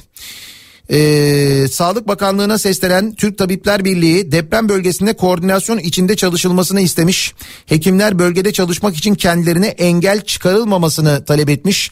Nitekim dün konuşmuştuk hatırlayacaksınız bölgeye giden doktorlar hekimler ki akın akın gidiyor sağlık çalışanları gerçekten de e, bölgede bir organizasyon sıkıntısı koordinasyonsuzluk olduğunu ısrarla söylüyorlar e, anlatıyorlar. Ee, Japon deprem uzmanı Yoshinori Moriwaki ülkesinden alınması gereken dersleri anlatmış. Deprem eğitimi ilkokulda verilmeli. Yollar ve altyapı depreme dayanıklı yapılmalı. Kapalı toplanma alanları şart diye anlatmış. Bakın bununla ilgili e, onu konuşuyoruz ya zaman zaman. Yani bizdeki kadar büyük ve bizden çok daha sık depremler hatta bizden bazen daha büyük depremler yaşıyor Japonya. Nasıl oluyor, nasıl yaşıyorlar depremle, e, nasıl hazırlanıyorlar? Bununla ilgili e, bilgiler var. Tarihin en yıkıcı depremlerine şahitlik eden hatta deprem sonrası tsunami yüzünden nükleer santral kazası yaşayıp felaket üstüne felaket yaşayan Japonya son günlerde Türkiye'de yaşanan depremlerden sonra yeniden gündeme geldi. Ülke tarihi boyunca yaşadığı doğal afetlerden sonra önlemler almayı ihmal etmeyip bölgenin doğası gereği ortaya çıkan tehlikelere adapte olmayı başarmasıyla dikkat çekiyor. Geçtiğimiz 10 yılda ada ulusu %20'si 6 veya daha yüksek şiddette olan deprem ve ayrıca çok sayıda tropik fırtına atlattı. Bu olaylara 2011'deki 2011'deki e, ve tsunami sonrası Fukushima nükleer santralinde kaza çıkmasına neden olan depremde dahil. O depremde de 15 binden fazla insan hayatını kaybetmişti. Son olarak yine geçtiğimiz yıl Fukushima açıklarında meydana gelen 7.3 büyüklüğündeki deprem ülkede 2 milyon evi elektriksiz bıraktı. Ancak Yetkililere göre depremde 4 kişi hayatını kaybetti. 7.3 büyüklüğündeki depremden bahsediyoruz. En az 107 kişi yaralandı. Bölge nüfusu düşünüldüğü zaman kayıplar oldukça az. Hatta sık sık depremlerin yaşandığı Japonya'da 7'nin üzerindeki depremlerde can kaybı bile yaşanmayabiliyor. Ülke uzun zamandır doğal afetlerin yıkıcı etkisini azaltmak için mimarlar ve mühendislerle teknoloji ve tasarımın sınırlarını zorluyor.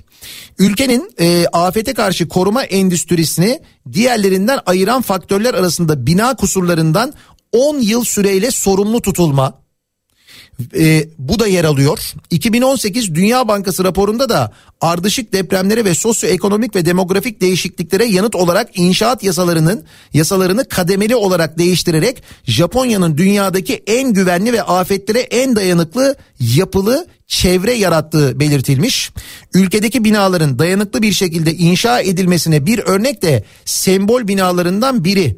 634 metre ile dünyanın en yüksek yayın kulesi ve 2012'de halka açıldığından beri şehrin en önemli turistik cazibe merkezlerinden biri olan Tokyo Skytree ülkenin bu yeni güvenli yapı anlayışıyla oluşturduğu binalardan bir tanesiymiş. Bu yükseklikte bir binayı üstelik deprem bölgesinde yapıyorlar. Bu öyle bir bina yapıyorlar ki gerçekten de e, bakın mesela kuvvetli boş rüzgarların boşluklardan kolayca geçmesine izin verecek özel bir çelik kafes kule yapılmış.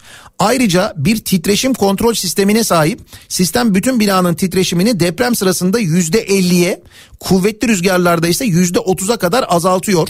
Daha yaygın bir sistem de binanın temellerinin bir amortisör görevi gören çelik ve kauçuk katmanları içeren sismik izolasyon. Teknik 80'lerin başından beri Japonya'da kullanılıyor ve şu anda Apple'ın Silikon Vadisi Genel Merkezi de dahil olmak üzere Japonya ile beraber pek çok yerde kullanılıyor. Japonya'da her akıllı telefona bir deprem ve tsunami acil durum uyarı sistemi kuruluyor. Yaklaşan felaketlerden yaklaşık 5 ila 10 saniye önce tetiklenen bu sistem kullanıcılara gerekirse hızlı bir şekilde korunmaları için zaman kazandırmayı amaçlıyor. Tıpkı dünyadaki diğer okulların acil durum yangın tatbikatları düzenlediği gibi Japonya'daki okullarda düzenli olarak deprem tatbikatları yapılıyor. Bazıları ayda bir kez oluyor. Küçük yaşlardan itibaren böyle bizim gibi 3 senede 5 senede bir falan değil yani. Küçük yaşlardan itibaren okul çocukları bölgelerinde deprem olduğunda güvende kalma yolları açısından eğitiliyor. Tatbikatlar sırasında en yaygın yöntem çocukların deprem bitene kadar sıralarının altına girerek masa ayaklarını tutunmaları. Dışarıda oynuyorlarsa düşen molozların çarpmasını önlemek için çocuklara doğrudan açık bir alanın merkezine gitmeleri öğretiliyor.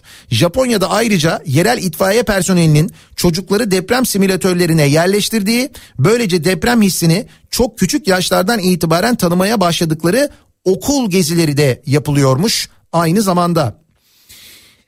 Ee, bir deprem anıt müzesi yapılmış Kobe'de mesela. Ee, burada e, ve daha birçok yerde hayatta kalma konusunda bilgilendirici sergiler ve eğitim tesisleri varmış.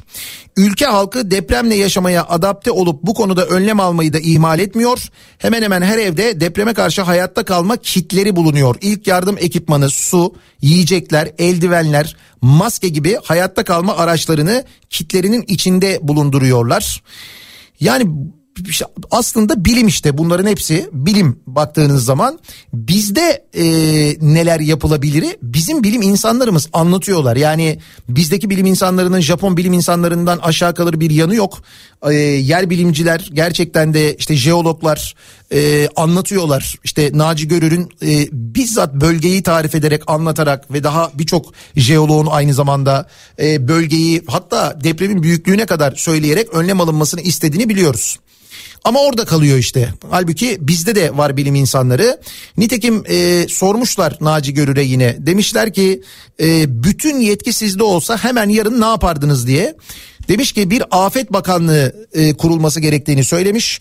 Bu bakanlık 5 yıllık planlar halinde Türkiye'nin afet bölgelerinden başlamak üzere Bak afet bölgelerinden diyor. Rant bölgelerinden demiyor. Afet bölgelerinden başlamak üzere yerel yönetimlerle ve üniversitelerle birlikte halkın da içinde bulunduğu bir modelle kentlerde çalışmaya başlamalıdır. Bütün yapı stoğu yenilenmelidir diyor. Zaten başka da bir yolu yok demiş. İşi sadece müteahhite, ranta havale etmek gibi hususlarda devletin iradesi, koyduğu yasalar ve denetimi müsaade etmediği takdirde halkımıza da bu problemi anlatmak zorunda değiliz. Anladılar zaten neyi kaybettiklerini. Aynı şey bugün İstanbul'da da başarılabilir. Belediye ile devlet İstanbul'da en fazla hasar alacak binalar için şimdiden çalışmaya başlayabilir diyor. Bakın Marmara depremi için beklenen Marmara depremi için hala önümüzde vakit var. Hala fırsat var. Ne kadar vakit olduğunu bilmiyoruz ama var.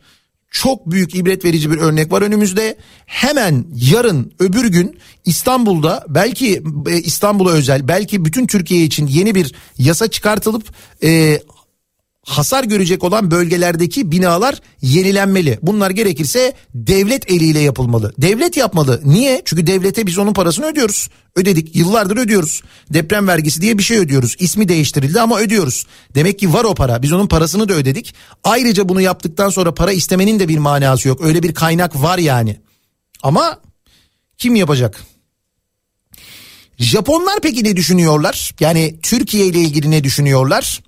Japon Tokyo Üniversitesi'nin deprem araştırma enstitüsünden Profesör Doktor e, Masataka Kinoshita deprem ülkesi olmasına rağmen daha az can kaybının kaydedildiği Japonya ile Türkiye arasındaki temel farkın binaların sağlamlığı olduğunu söylemiş.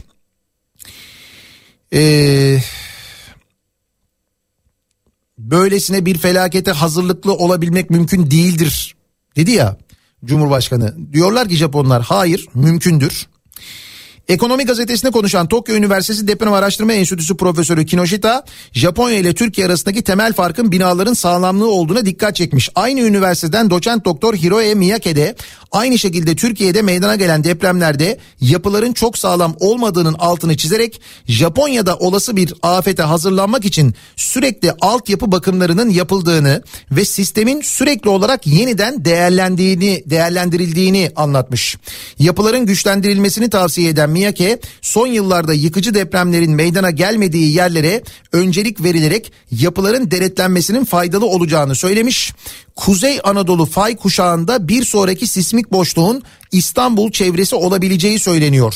Türkiye'de hali hazırda yapılmakta olan bilinçlendirme çalışmalarının yeniden canlandırılması da etkili olacaktır demiş. Adam ta Japonya'dan diyor ki siz unuttunuz Marmara depremini de bak şimdi hatırladınız belki yeniden bir canlanırsınız belki bir şeyler yaparsınız diyor yani aslında söylediği şey bu sevgili dinleyiciler. Ee, okulların tatil olmasıyla ilgili e, mesajlar geliyor. Ee, işte bunun hani e, depremden etkilenen şehirler dışında e, buna karşı olanlar var. E, bunu destekleyenler var. E, bir yandan da işte neden acaba okullar tatil e, yapılıyor? Bir bir şey mi biliniyor falan e, diyenler var. Tabii bu da işte böyle e, hayatımız komple teorisiyle geçtiği için memlekette böyle e, şeylerden e, bahsediliyor. Ee, WhatsApp hattımıza ve Twitter'a gelen mesajlara bir bakalım. Nihat Bey imar barışından bahsetmediniz hiç. Mustafa Destici'nin imar barışı çalışmaları vardı. Deprem olmasa imar barışı çıkartılacaktı diyor bir dinleyicimiz hatırlatıyor. Evet doğru ee, bu konuyla ilgili bir teklif hazırlanmıştı değil mi? Büyük Birlik Partisi Genel Başkanı ve Ankara Milletvekili Mustafa Destici tarafından imar affı mecliste geçtiğimiz Ekim ayında sunulmuş. Meclis Başkanlığı konuyu komisyona sevk etmiş. Ya bir de imar affı çıkartılıyordu.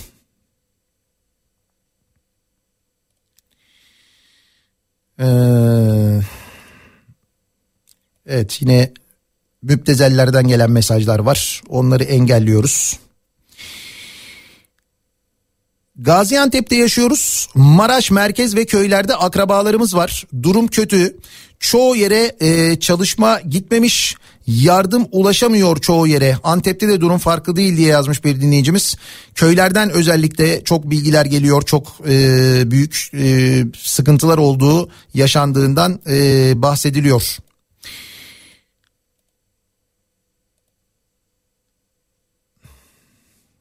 Bakalım Akut'u ve Nasu Maruki'yi de unutmadık tabii. Başına gelmedik kalmamıştı zamanında. Aynı şeyler e, Haluk Levent'in de başına gelecek diye korkuyoruz diye yazmış bir dinleyicimiz. İşte herkes aynı şeyi konuşuyor. Herkes ondan bahsediyor. Ee, Hatay'da Payas'ta kardeşimin iş yeri burası. İlk günden itibaren e, dayanışmayla vatandaşla beraberler. Doğru biz ilk gün duyurmuştuk burayı. Daha seyyar mutfaklar kurulmamıştı. Yiyecekle ilgili çok ciddi sıkıntı vardı. E, Hatay Payas'ta sahildeki bir lokanta Karadeniz Balık Evi orada depremden etkilenen insanlara ilk günden beri yiyecek veriyorlar. Ücretsiz e, yemek yapıyorlar. Ellerindeki malzemelerle ellerinden geleni yapıyorlar. Birinci günden beri yapıyorlar bunu. Eee Kocaeli Gölcük'te kentsel dönüşüm adı altında rantsal dönüşüm yapıyorlar. Depremden sonra yapılmış ve depreme dayanıklı binalar rant için yıkılıyor. 3 kat depreme dayanıklı bina yıkılıp 5 kat yapılacak. Arada birilerine yer çıkacak. Akıl sadece ranta çalışıyor. Şimdi Gölcük'ten böyle bir mesaj gelmiş ya. Bir dinleyicimiz yazmış oradan. Ee, bakın ben size çok yakından bir örnek vereyim. İşte biz radyo olarak Beykoz'dayız.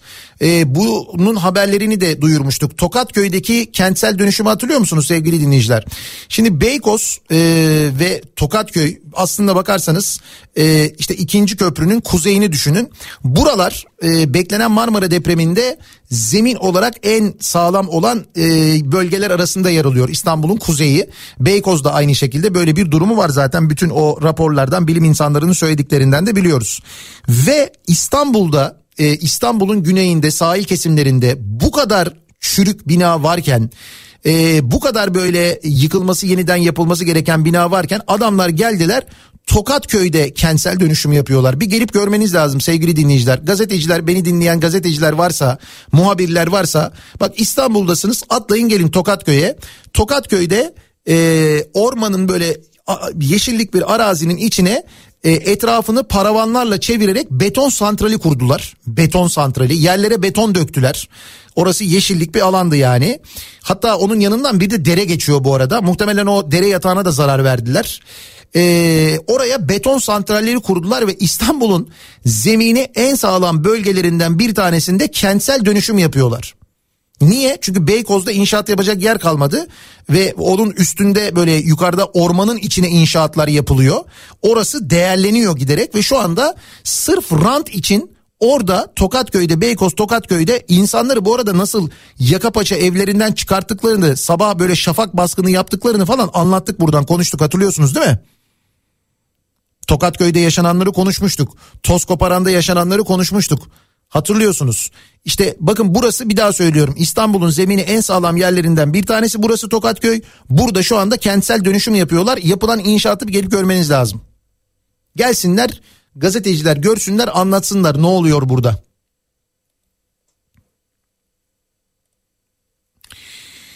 Ahbaba siber saldırı olmuş dün yoğun bir şekilde. Evet az önce anlattık söyledik. Ee, Ahbaba çok böyle yoğun bir e, saldırı olmuş e, gerçekten de. E, o saldırılar bu arada bertaraf edilmiş. E, onu da söyleyeyim. Eee... Öğretmenlerin hepsi afet bölgelerinde AFAD gönüllüsü olarak çalışıyor. Benim tanıdığım 4 öğretmen orada çadır kurma, erzak dağıtımı gibi işler yapıyorlar. Bölgede o bölgede eğitimin başlaması mümkün değil zaten diye yazmış bir dinleyicimiz. Tabii ki öyle. Türkiye genelinde e, okulların tatil olması ile ilgili işte mesela anne baba doktoruz 4 yaşında kızımız var okul tatil İzmir'de ne yapacağız kreş de kapalı göreve devam etmek zorundayız. E, Covid'de de aynı şey olmuştu ders almamışız diye yazmış. Şimdi tabii e, depremin etkilemediği bölgelerde yaşayan annelerden babalardan e, böyle mesajlar da geliyor aynı zamanda.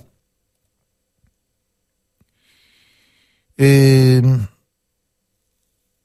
Hatay Kırıkhan'dan gelen bir mesaj var. Yardım tırlarının e, buraya ulaşmakta yetersiz olduğunu söylüyor. E, duyurabilir miyiz diye yazmış. Duyururuz elbette. E, işte bölgeye e, giden çok sayıda yardım tırı var. Malzeme yağıyor bölgeye.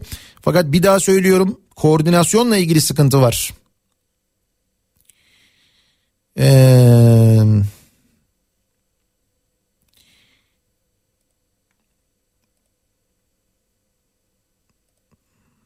Tabii şimdi dedim ya size komplo teorileri var birçok. Onları dillendiriyor insanlar yazıyorlar ama şimdi ben de burada bazılarını ee, telaffuz etmek istemiyorum. Çünkü işte radyoda söylediler zaten falan diyecekler bu sefer de. Ahbapla ilgili işte şunu yapacaklar bunu yapacaklar falan gibi şeyler söyleniyor.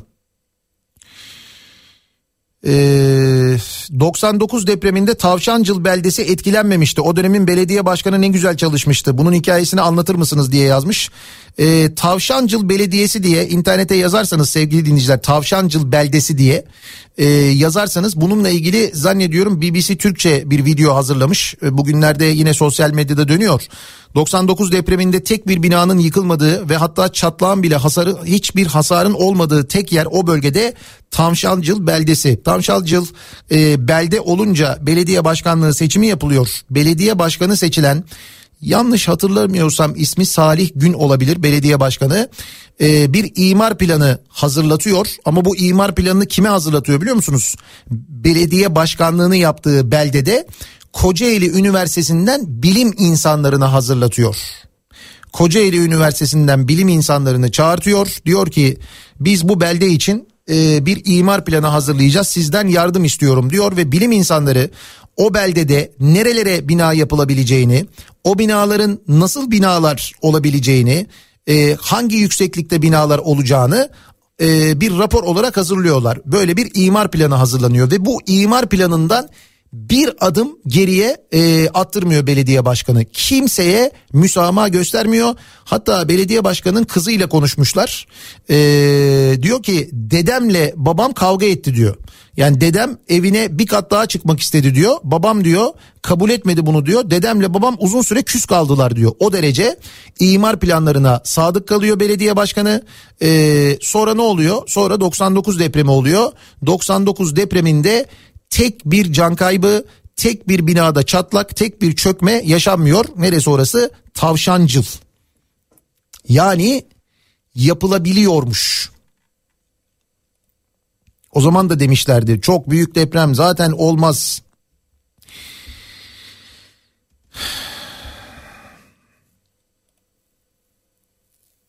Çok kısa bir ara verelim.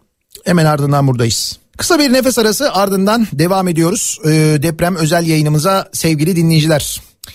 Ee, şimdi Kırıkhan'la ilgili e, demin bir mesaj okumuştum ya Kırıkhan'a yardım gelmedi diye. E, Menderes Mahallesi 836. sokakta Kırıkhan'da bir e, yemek çadırı kurmuş e, Zer şirketi. E, ihtiyacı olanlar Kırıkan'dan o civarda dinleyenler buraya gidilebilir. Eğer Kırıkan'da bir yakınınız tanıdığınız varsa yönlendirebilirsiniz. Menderes Mahallesi'nde e, 836. sokakta bir yemek çadırı kurulmuş. Burada 24 saat insanlara yemek e, dağıtılıyormuş. Onun bilgisini vermiş olalım. Eee 17.674 sevgili dinleyiciler. Hayatını kaybedenlerle ilgili gelen son e, sayı bu. 17.674. 101. saat ve 101. saatte e, kurtarma ekipleri e, canlı insanlara ulaşıyorlar halen. E, 101. saatte ağlayan bir bebek ve o e, onun ağlamasının duyulması sayesinde ailesiyle birlikte 5 kişi e, kurtarıldı. 101. saatte oldu bu. E, birçok yerde birçok enkaz üstünde hassas cihazlarla yapılan aramalar sonrasında dinlemeler sonrasında e, e, hayatta kalanlarla ilgili tespitler yapılıyor. 101. saatte anlayacağınız e, umut hala e, canlı. Eee Hatay'dayız diye yazmış bir dinleyicimiz.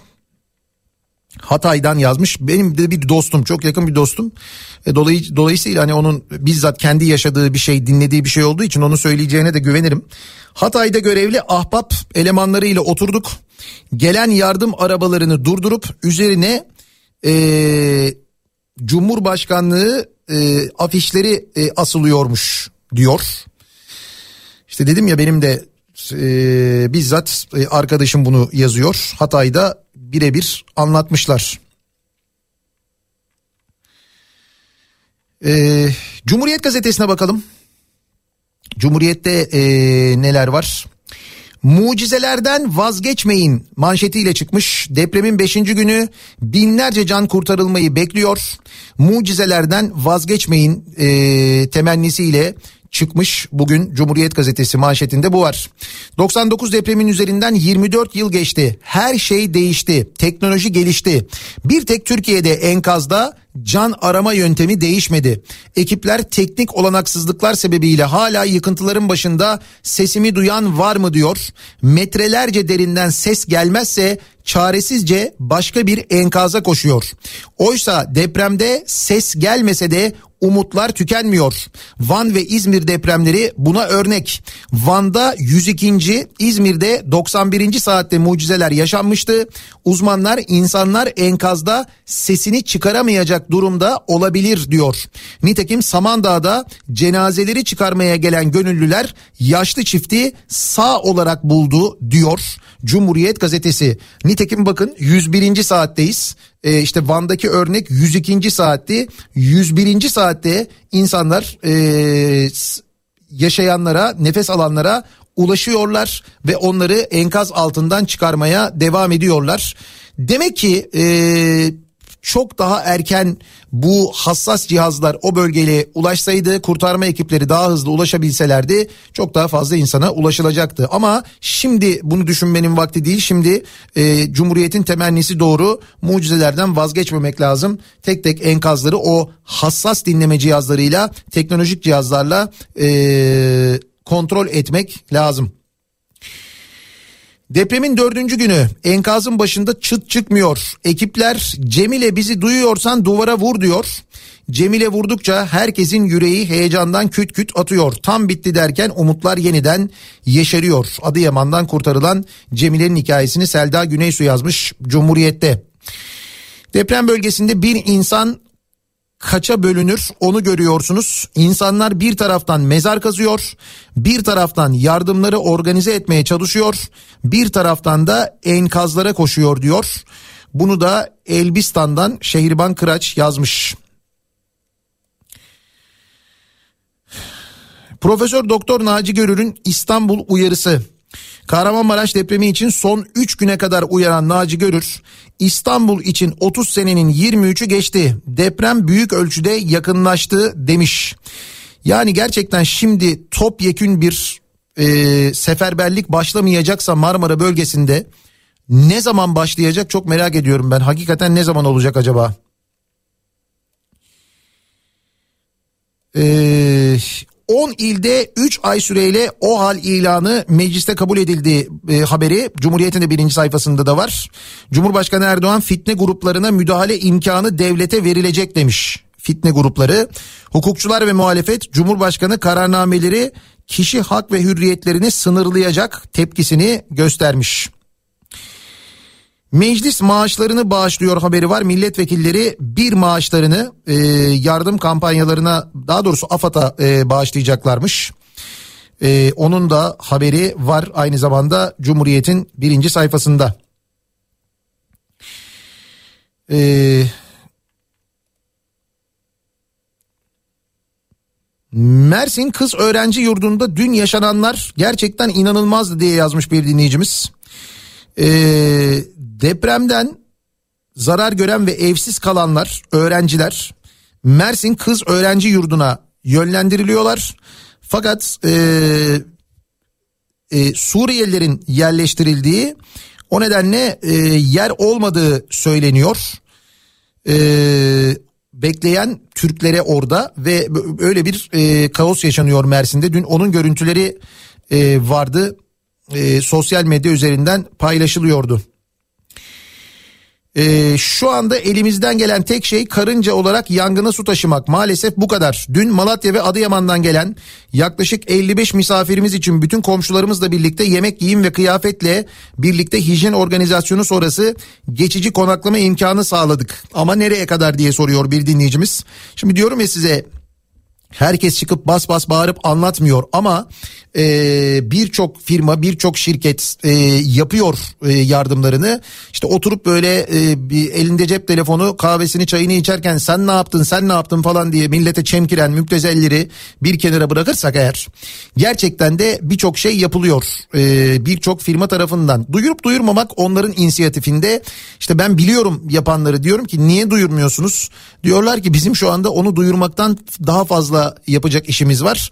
O enerjiyi bir de oraya harcayamayız diyorlar ki bence haklılar en de doğrusunu e, yapıyorlar. Eee... Almanya'da yaşıyorum. Almanya'da yaşayan vatandaşlara sesleniyorum. Bir aylık çocuk parası 250 euro. Herkes kendi çocuğuna bir baksın ve kendisini oradakilerin yerine koysun. Herkes en az bir aylık çocuk parasını bağışlasın demiş. Almanya'dan e, Almanya'da yaşayan bir Türk dinleyicimiz göndermiş. Orada yapılan çocuk yardımını Türkler e, bir aylık çocuk yardımını e, bağışlasınlar diyor. Nihat abi araba kurtarma ekipleri arasında rekabet varmış. Neyin rekabeti bu diye yazmış bir dinleyicimiz. İşte az önce bahsettik. Dün Mehmet Akif Ersoy'un Habertürk'te anlattığı e, işte üzülerek paylaşıyorum. Çok yerden duydum. Diyorlar ki arama kurtarma yapıyoruz. Tam çocuğa ulaşacağız pat başka bir ekip gelip sizin işiniz bitti çekilin biz çıkaracağız diyor. Kameraları çağırıyor diye anlattı dün Mehmet Akif Ersoy. Ee, benim eşim sağlıkçı, bebek hemşiresi Antakya'da gönüllü çadırında görevli. Ee, duyurursanız belki insanların e, faydasına olur diyor.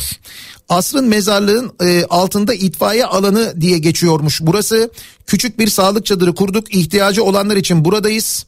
E, 24 saat hizmet veriyoruz. Özellikle bebekleriyle ilgili sorunları soruları olan annelere ve çocuklara destek oluyoruz. Lütfen buraya gelsinler diye yazmış. Bebek hemşiresi e, bir dinleyicimizin eşi e, Asrın mezarlığı onun altında itfaiye alanı Orada kurulan bir çadır varmış. Bizi Antakya'da dinliyorsanız ve bebeğiniz varsa bu çadıra gidebilirsiniz sevgili dinleyiciler. Ee, depremzedeler için ücretsiz konaklama sağlayan oteller e, listesi diye böyle uzun bir liste gelmiş. Birçok e, e, otel var gerçekten de bölgede. Şimdi tabii oradan insanları e, bölgeye sevk etmek önemli. Bununla ilgili de yavaş yavaş İskenderun limanında e, organize olunuyor. Limana e, hem e, askeriye gemileri donanmanın gemileri gönderiliyor. İşte İskenderun'dan alınıp insanlar Mersin'e ya da e, Antalya'ya Alanya'ya götürülüyor. İstanbul'da e, bulunan iki tane büyük feribot hani bu e, Bandırma Yenikapı arasında çalışan araçla taşıyan feribotlar var ya işte o feribotlar şimdi bölgeye yardım malzemeleri ve yardım araçlarıyla gönderiliyormuş. E, deniz yoluyla ulaşacaklar oraya yardım malzemelerini ekipleri bırakacaklar ya işte e, sevkiyat için kullanılacak. E, insanları taşıyacaklar. Örneğin İskenderun'la e, Antalya arasında, Alanya arasında ya da e, bölgede konaklama maksatlı kullanılacakmış bu feribotlar. Çok büyük feribotlar gerçekten de konaklama ile ilgili e, epey bir iş görecektir. Bir kruz gemisi e, yine İskenderun'a gönderilmiş. O kruz gemisi orada yaz sezonu başlayıncaya kadar demirli kalacak ve kruz içindeki odalar yine depremzedelere tahsis edilecekmiş e, sevgili dinleyiciler. Sadece müteahhitler değil binaların yapımına izin veren belediye sorumluları, kontrolörler, kısacası imzası olan bütün sorumlular yargılanmalı. Hepsine ölen canların bedeli ödetilmeli diyor İzmir'den bir dinleyicimiz. Ee, tabii temenni bu yönde adalet ancak bu şekilde sağlanır onu da biliyoruz. Ee, ve umuyoruz e, 99'daki gibi olmaz. Çünkü 99'dan bugüne hani bir e, adım ilerlememişiz diyoruz. E, umalım da adalet konusunda öyle olmasın. E, bakalım. Dün e, ATV'de şaşırtıcı şekilde Nihat Hatipoğlu'nun konuşmasını gördük. Her din adamına ön yargımız olduğu için artık biraz da olsa A Haber'de bile konuşulabileceğini gördük. İçimize umut doğdu diye yazmış bir dinleyicimiz. E, dün Nihat Hatipoğlu özel programı yapılacağı duyurulmuştu. Sonra böyle çok tepki oldu sosyal medyada. E, sonra Nihat Hatipoğlu böyle bir konuk alındı anladığım kadarıyla ve orada yani e, buna kader denmeyeceğini bilim insanlarının uyarılarına dikkat, e, uyarılarına kulak verilmesi gerektiğini, onların söylediklerinin yapılması gerektiğini anlattı. E, Nihat Hatipoğlu. Bilimden evet bilimden yana konuştu evet. Ee,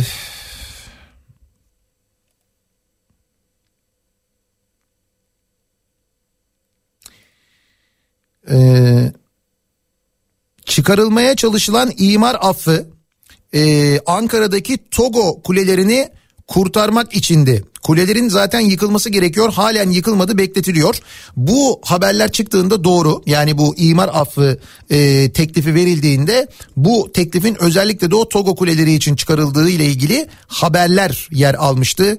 E, sevgili dinleyiciler.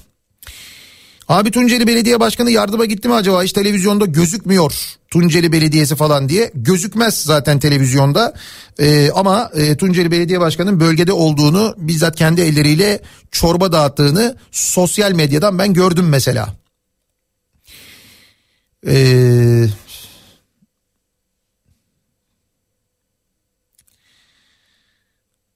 Ya arkadaş yani e, şu şeylerden vazgeçin artık ya işte yok gemi geldi ondan sonra deprem oldu harp teknolojisi bilmem ne falan filan yani şu hurafelerden gerçekten artık sıkılmadınız mı Allah aşkına?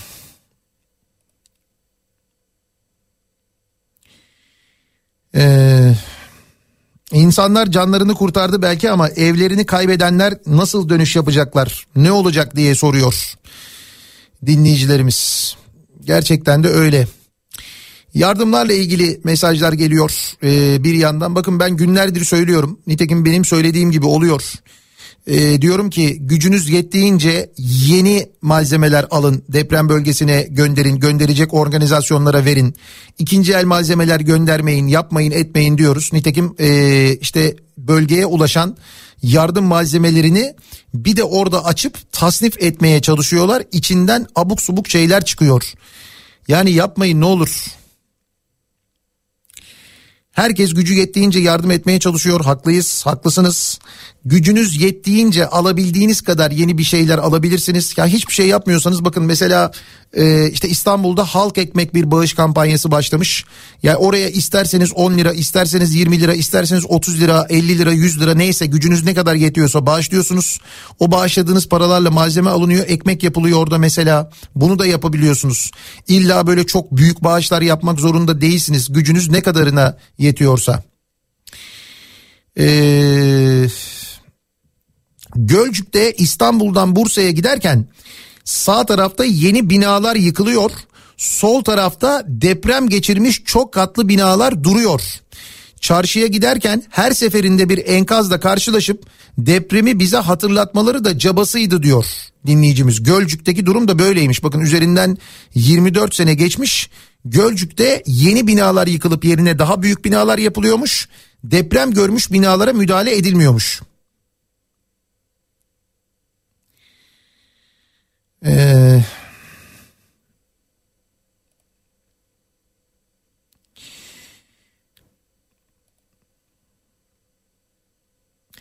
sağ elin verdiğini sol el bilmezden çıkalı çok olduğu için insanlar e, herkesi kendileri gibi görüyorlar. Rol çalacaklar diye akılları gidiyor. Akıl fikir bu diyor dinleyicimiz. Neden e, ahbaba böyle tepki gösteriliyor? E, ya da tepki değil tepki derken işte çemkiriliyor aslına bakarsanız. Durum bu. E, belli ki önümüzdeki günlerde çokça duyacağız. Çünkü para var orada. Para var şimdi bütün mesele para bakın paranın olduğu yerde mutlaka böyle bir kavga çıkıyor. Çok daha büyük kavgalar da çıkıyor biliyoruz. Ee,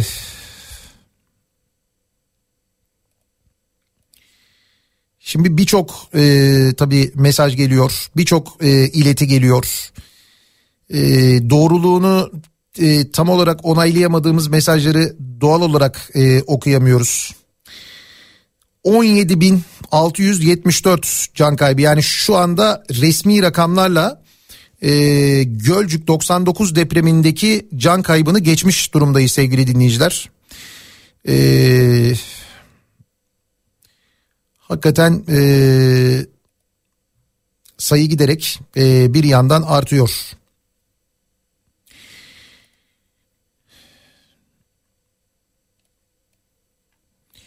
Sosyal medyada neler olup olmadığına bakalım.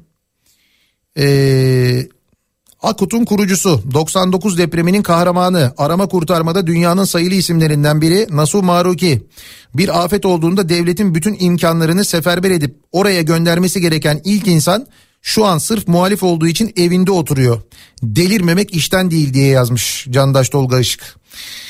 İşte böyle sevgili dinleyiciler bir sonraki depremde de Haluk Levent için bunları söyleyebiliriz. Şimdi onu itibarsızlaştırma ile ilgili çalışmaya başladılar. Ee, işte bak mesela bir tane diyorum ya size bunlar müptezel. Turgay Güler diye yine böyle bir tip çıkmış. Ülke TV diye bir yerde konuşmuş. Ee, Haluk Levent'e 1 milyar lira teslim edemezsin yönetemez demiş. E niye sen çıkıp televizyonda konuşabiliyorsun? Bu, bu şeyle bu zeka ile bunu yapabiliyorsun. Sen bunu çıkıp televizyonda konuşabilirken bu kafayla senin televizyonda çıkıp, çıkıp konuşmana müsaade edilebiliyorsa Haluk Levent'e de pekala 1 milyar lira teslim edilebilir. Kaldı ki o para Haluk Levent'e teslim edilmiyor. Orada ahbap diye bir oluşum var. Orada çalışan yüzlerce binlerce gönüllü insan var. Herif bunu bile bilmiyor. Diyorum ya size bunlar. Her bokologlar işte.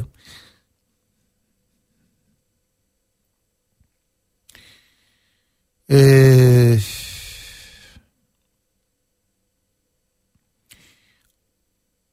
Antakya Uğur Mumcu Caddesi Erdoğan Premium City Ultra lüks yepyeni bina 2018 tarihinde yapılmış.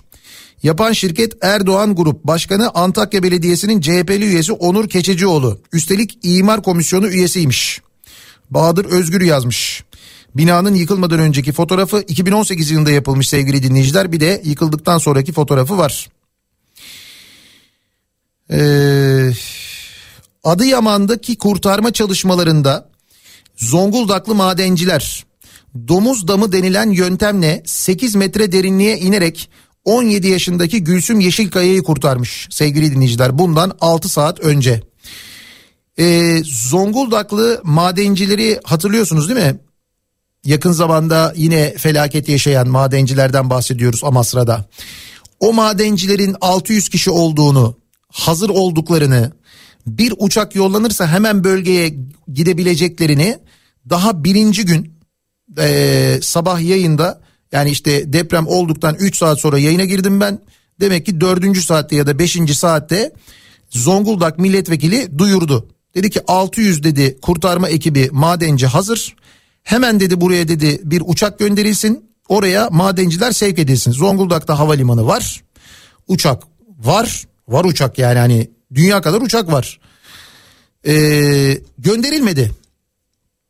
Karayoluyla yola çıktılar. Otobüslerle yola çıktılar. Bir bölümü otobüslerle ulaştı. O otobüslerle ulaşanlar arasında Deniz Yavuz Yılmaz da vardı milletvekili. Bizzat kendisi de enkazın enkaza girdi çalıştı. Ee, üç gün sonra, üç gün sonra e, silahlı kuvvetlerin helikopterleri e, bu personel taşıyıcı Şinok helikopterler var böyle çift e, pervaneli. O helikopterlerle bölgeye götürüldüler. Deprem bölgesine götürüldüler. Üç gün sonra sevgili dinleyiciler. Üç gün. Yani biri şunu organize edemedi. Ee, tamam silahlı kuvvetlerin uçakları meşgul olabilir. O böyle sürekli şey yapıyorlar hani sürekli böyle uçuyorlar. Belki yardım malzemesi götürüyorlar. Daha öncelikli olanlar var falan ama bilmiyorum yani bu kadar profesyonel kurtarma ekibinden daha öncelikli ne var? Ha diyelim bu uçaklar tahsis edilemedi. Ya bir tane bir tane Türk Hava Yolları uçağı bir 737 e, Zonguldak'a gönderilip Zonguldak'tan Adana'ya sevk edilemedi mi bu insanlar ya? 24 saat içinde. Yapamadılar bunu biliyor musunuz? Bunu organize edemediler ya. Bunlar telefonla yapılacak şeyler bu arada. Yani AFAD'da kim varsa bu işi yöneten biri telefon açacak Türk Hava Yolları Genel Müdürüne diyecek ki Zonguldak'a bir uçak gönderin Zonguldak'tan insanları alacak Adana'ya götürecek diyecek. Türk Hava Yolları Genel Müdürü de kusura bakmayın veremeyiz demeyecek herhalde. O uçak gidecek e, Zonguldak'tan madencileri alacak oraya götürecekti. İlk 24 saat içinde hatta ilk 10 saat içinde yapılabilecek bir şeydi bu. Ya bir işte telefonla organize olacak bir şey. Telefonu açacak olan da deprem bölgesinden açmayacak yani Ankara'dan arayacak İstanbul'u. İstanbul'da işte Türk Hava Yolları ile konuşacak. Ondan sonra onlar uçağa gönderip bunların hepsi böyle yapılabilecek, organize edilebilecek şeylerdi. Organizasyonsuzluk derken, koordinasyonsuzluk derken aslında bunlar kastediliyor işte sevgili dinleyiciler. Üç gün sonra silahlı kuvvetlerin e, helikopterleri gittiler aldılar madencileri getirdiler. Bakın şimdi o madenciler e, Adıyaman'da domuz damı yöntemiyle 8 metre derinliğe inmişler 17 yaşındaki kızı kurtarmışlar. 24 ilk 24 saat içinde orada olsalardı ne olurdu?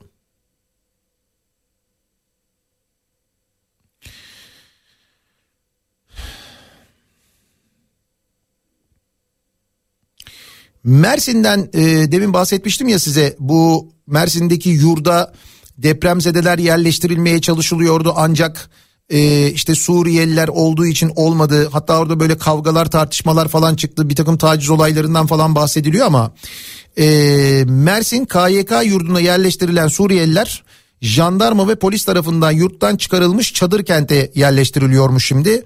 Mersin'den böyle bir bilgi geldi. Ruslar Kahramanmaraş'ta Hintliler Hatay'da seyyar hastane kurmuşlar sevgili dinleyiciler bu arada.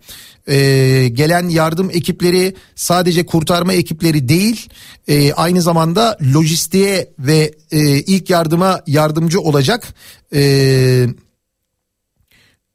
tesisler de kuruyorlar böyle e, sahra hastaneleri de kuruyorlar. İşte bak ben size dedim ama Haluk Levent'e saldıracaklar. Ah ah böyle yolda görünce sizin yüzünüzü tükürmek var ama şimdi bu güç arkanızda ya bir şey yapamıyoruz ya bir şey diyemiyoruz ya.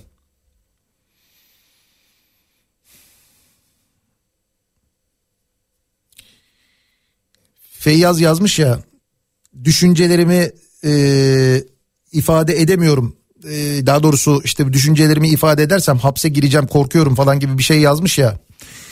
O değil de yani e, işte bu kadar yaşadığımız şeyler içinde biliyoruz gerçekten de ne olup ne biteceğini faydası dokunmayacak yani. Neyse bugünler gelip geçecek devran dönecek elbette bu Turgay Güler'i de biz o zaman anacağız bunu unutmayacağız yani gerizekalı değiliz. Hafızamız o kadar çok şükür kötü değil. Bu adamı unutmayız mesela bu söylediklerini unutmayız. Unutmayacağız yani. Daha birçok sözü, birçok lafı, birçok yapılanı e, unutmadığımız gibi. Yoksa tweet atanı gözaltına almak kolay. Gözaltına alınan bir tane müteahhit oldu mu şu ana kadar? Oldu mu biliyor musunuz?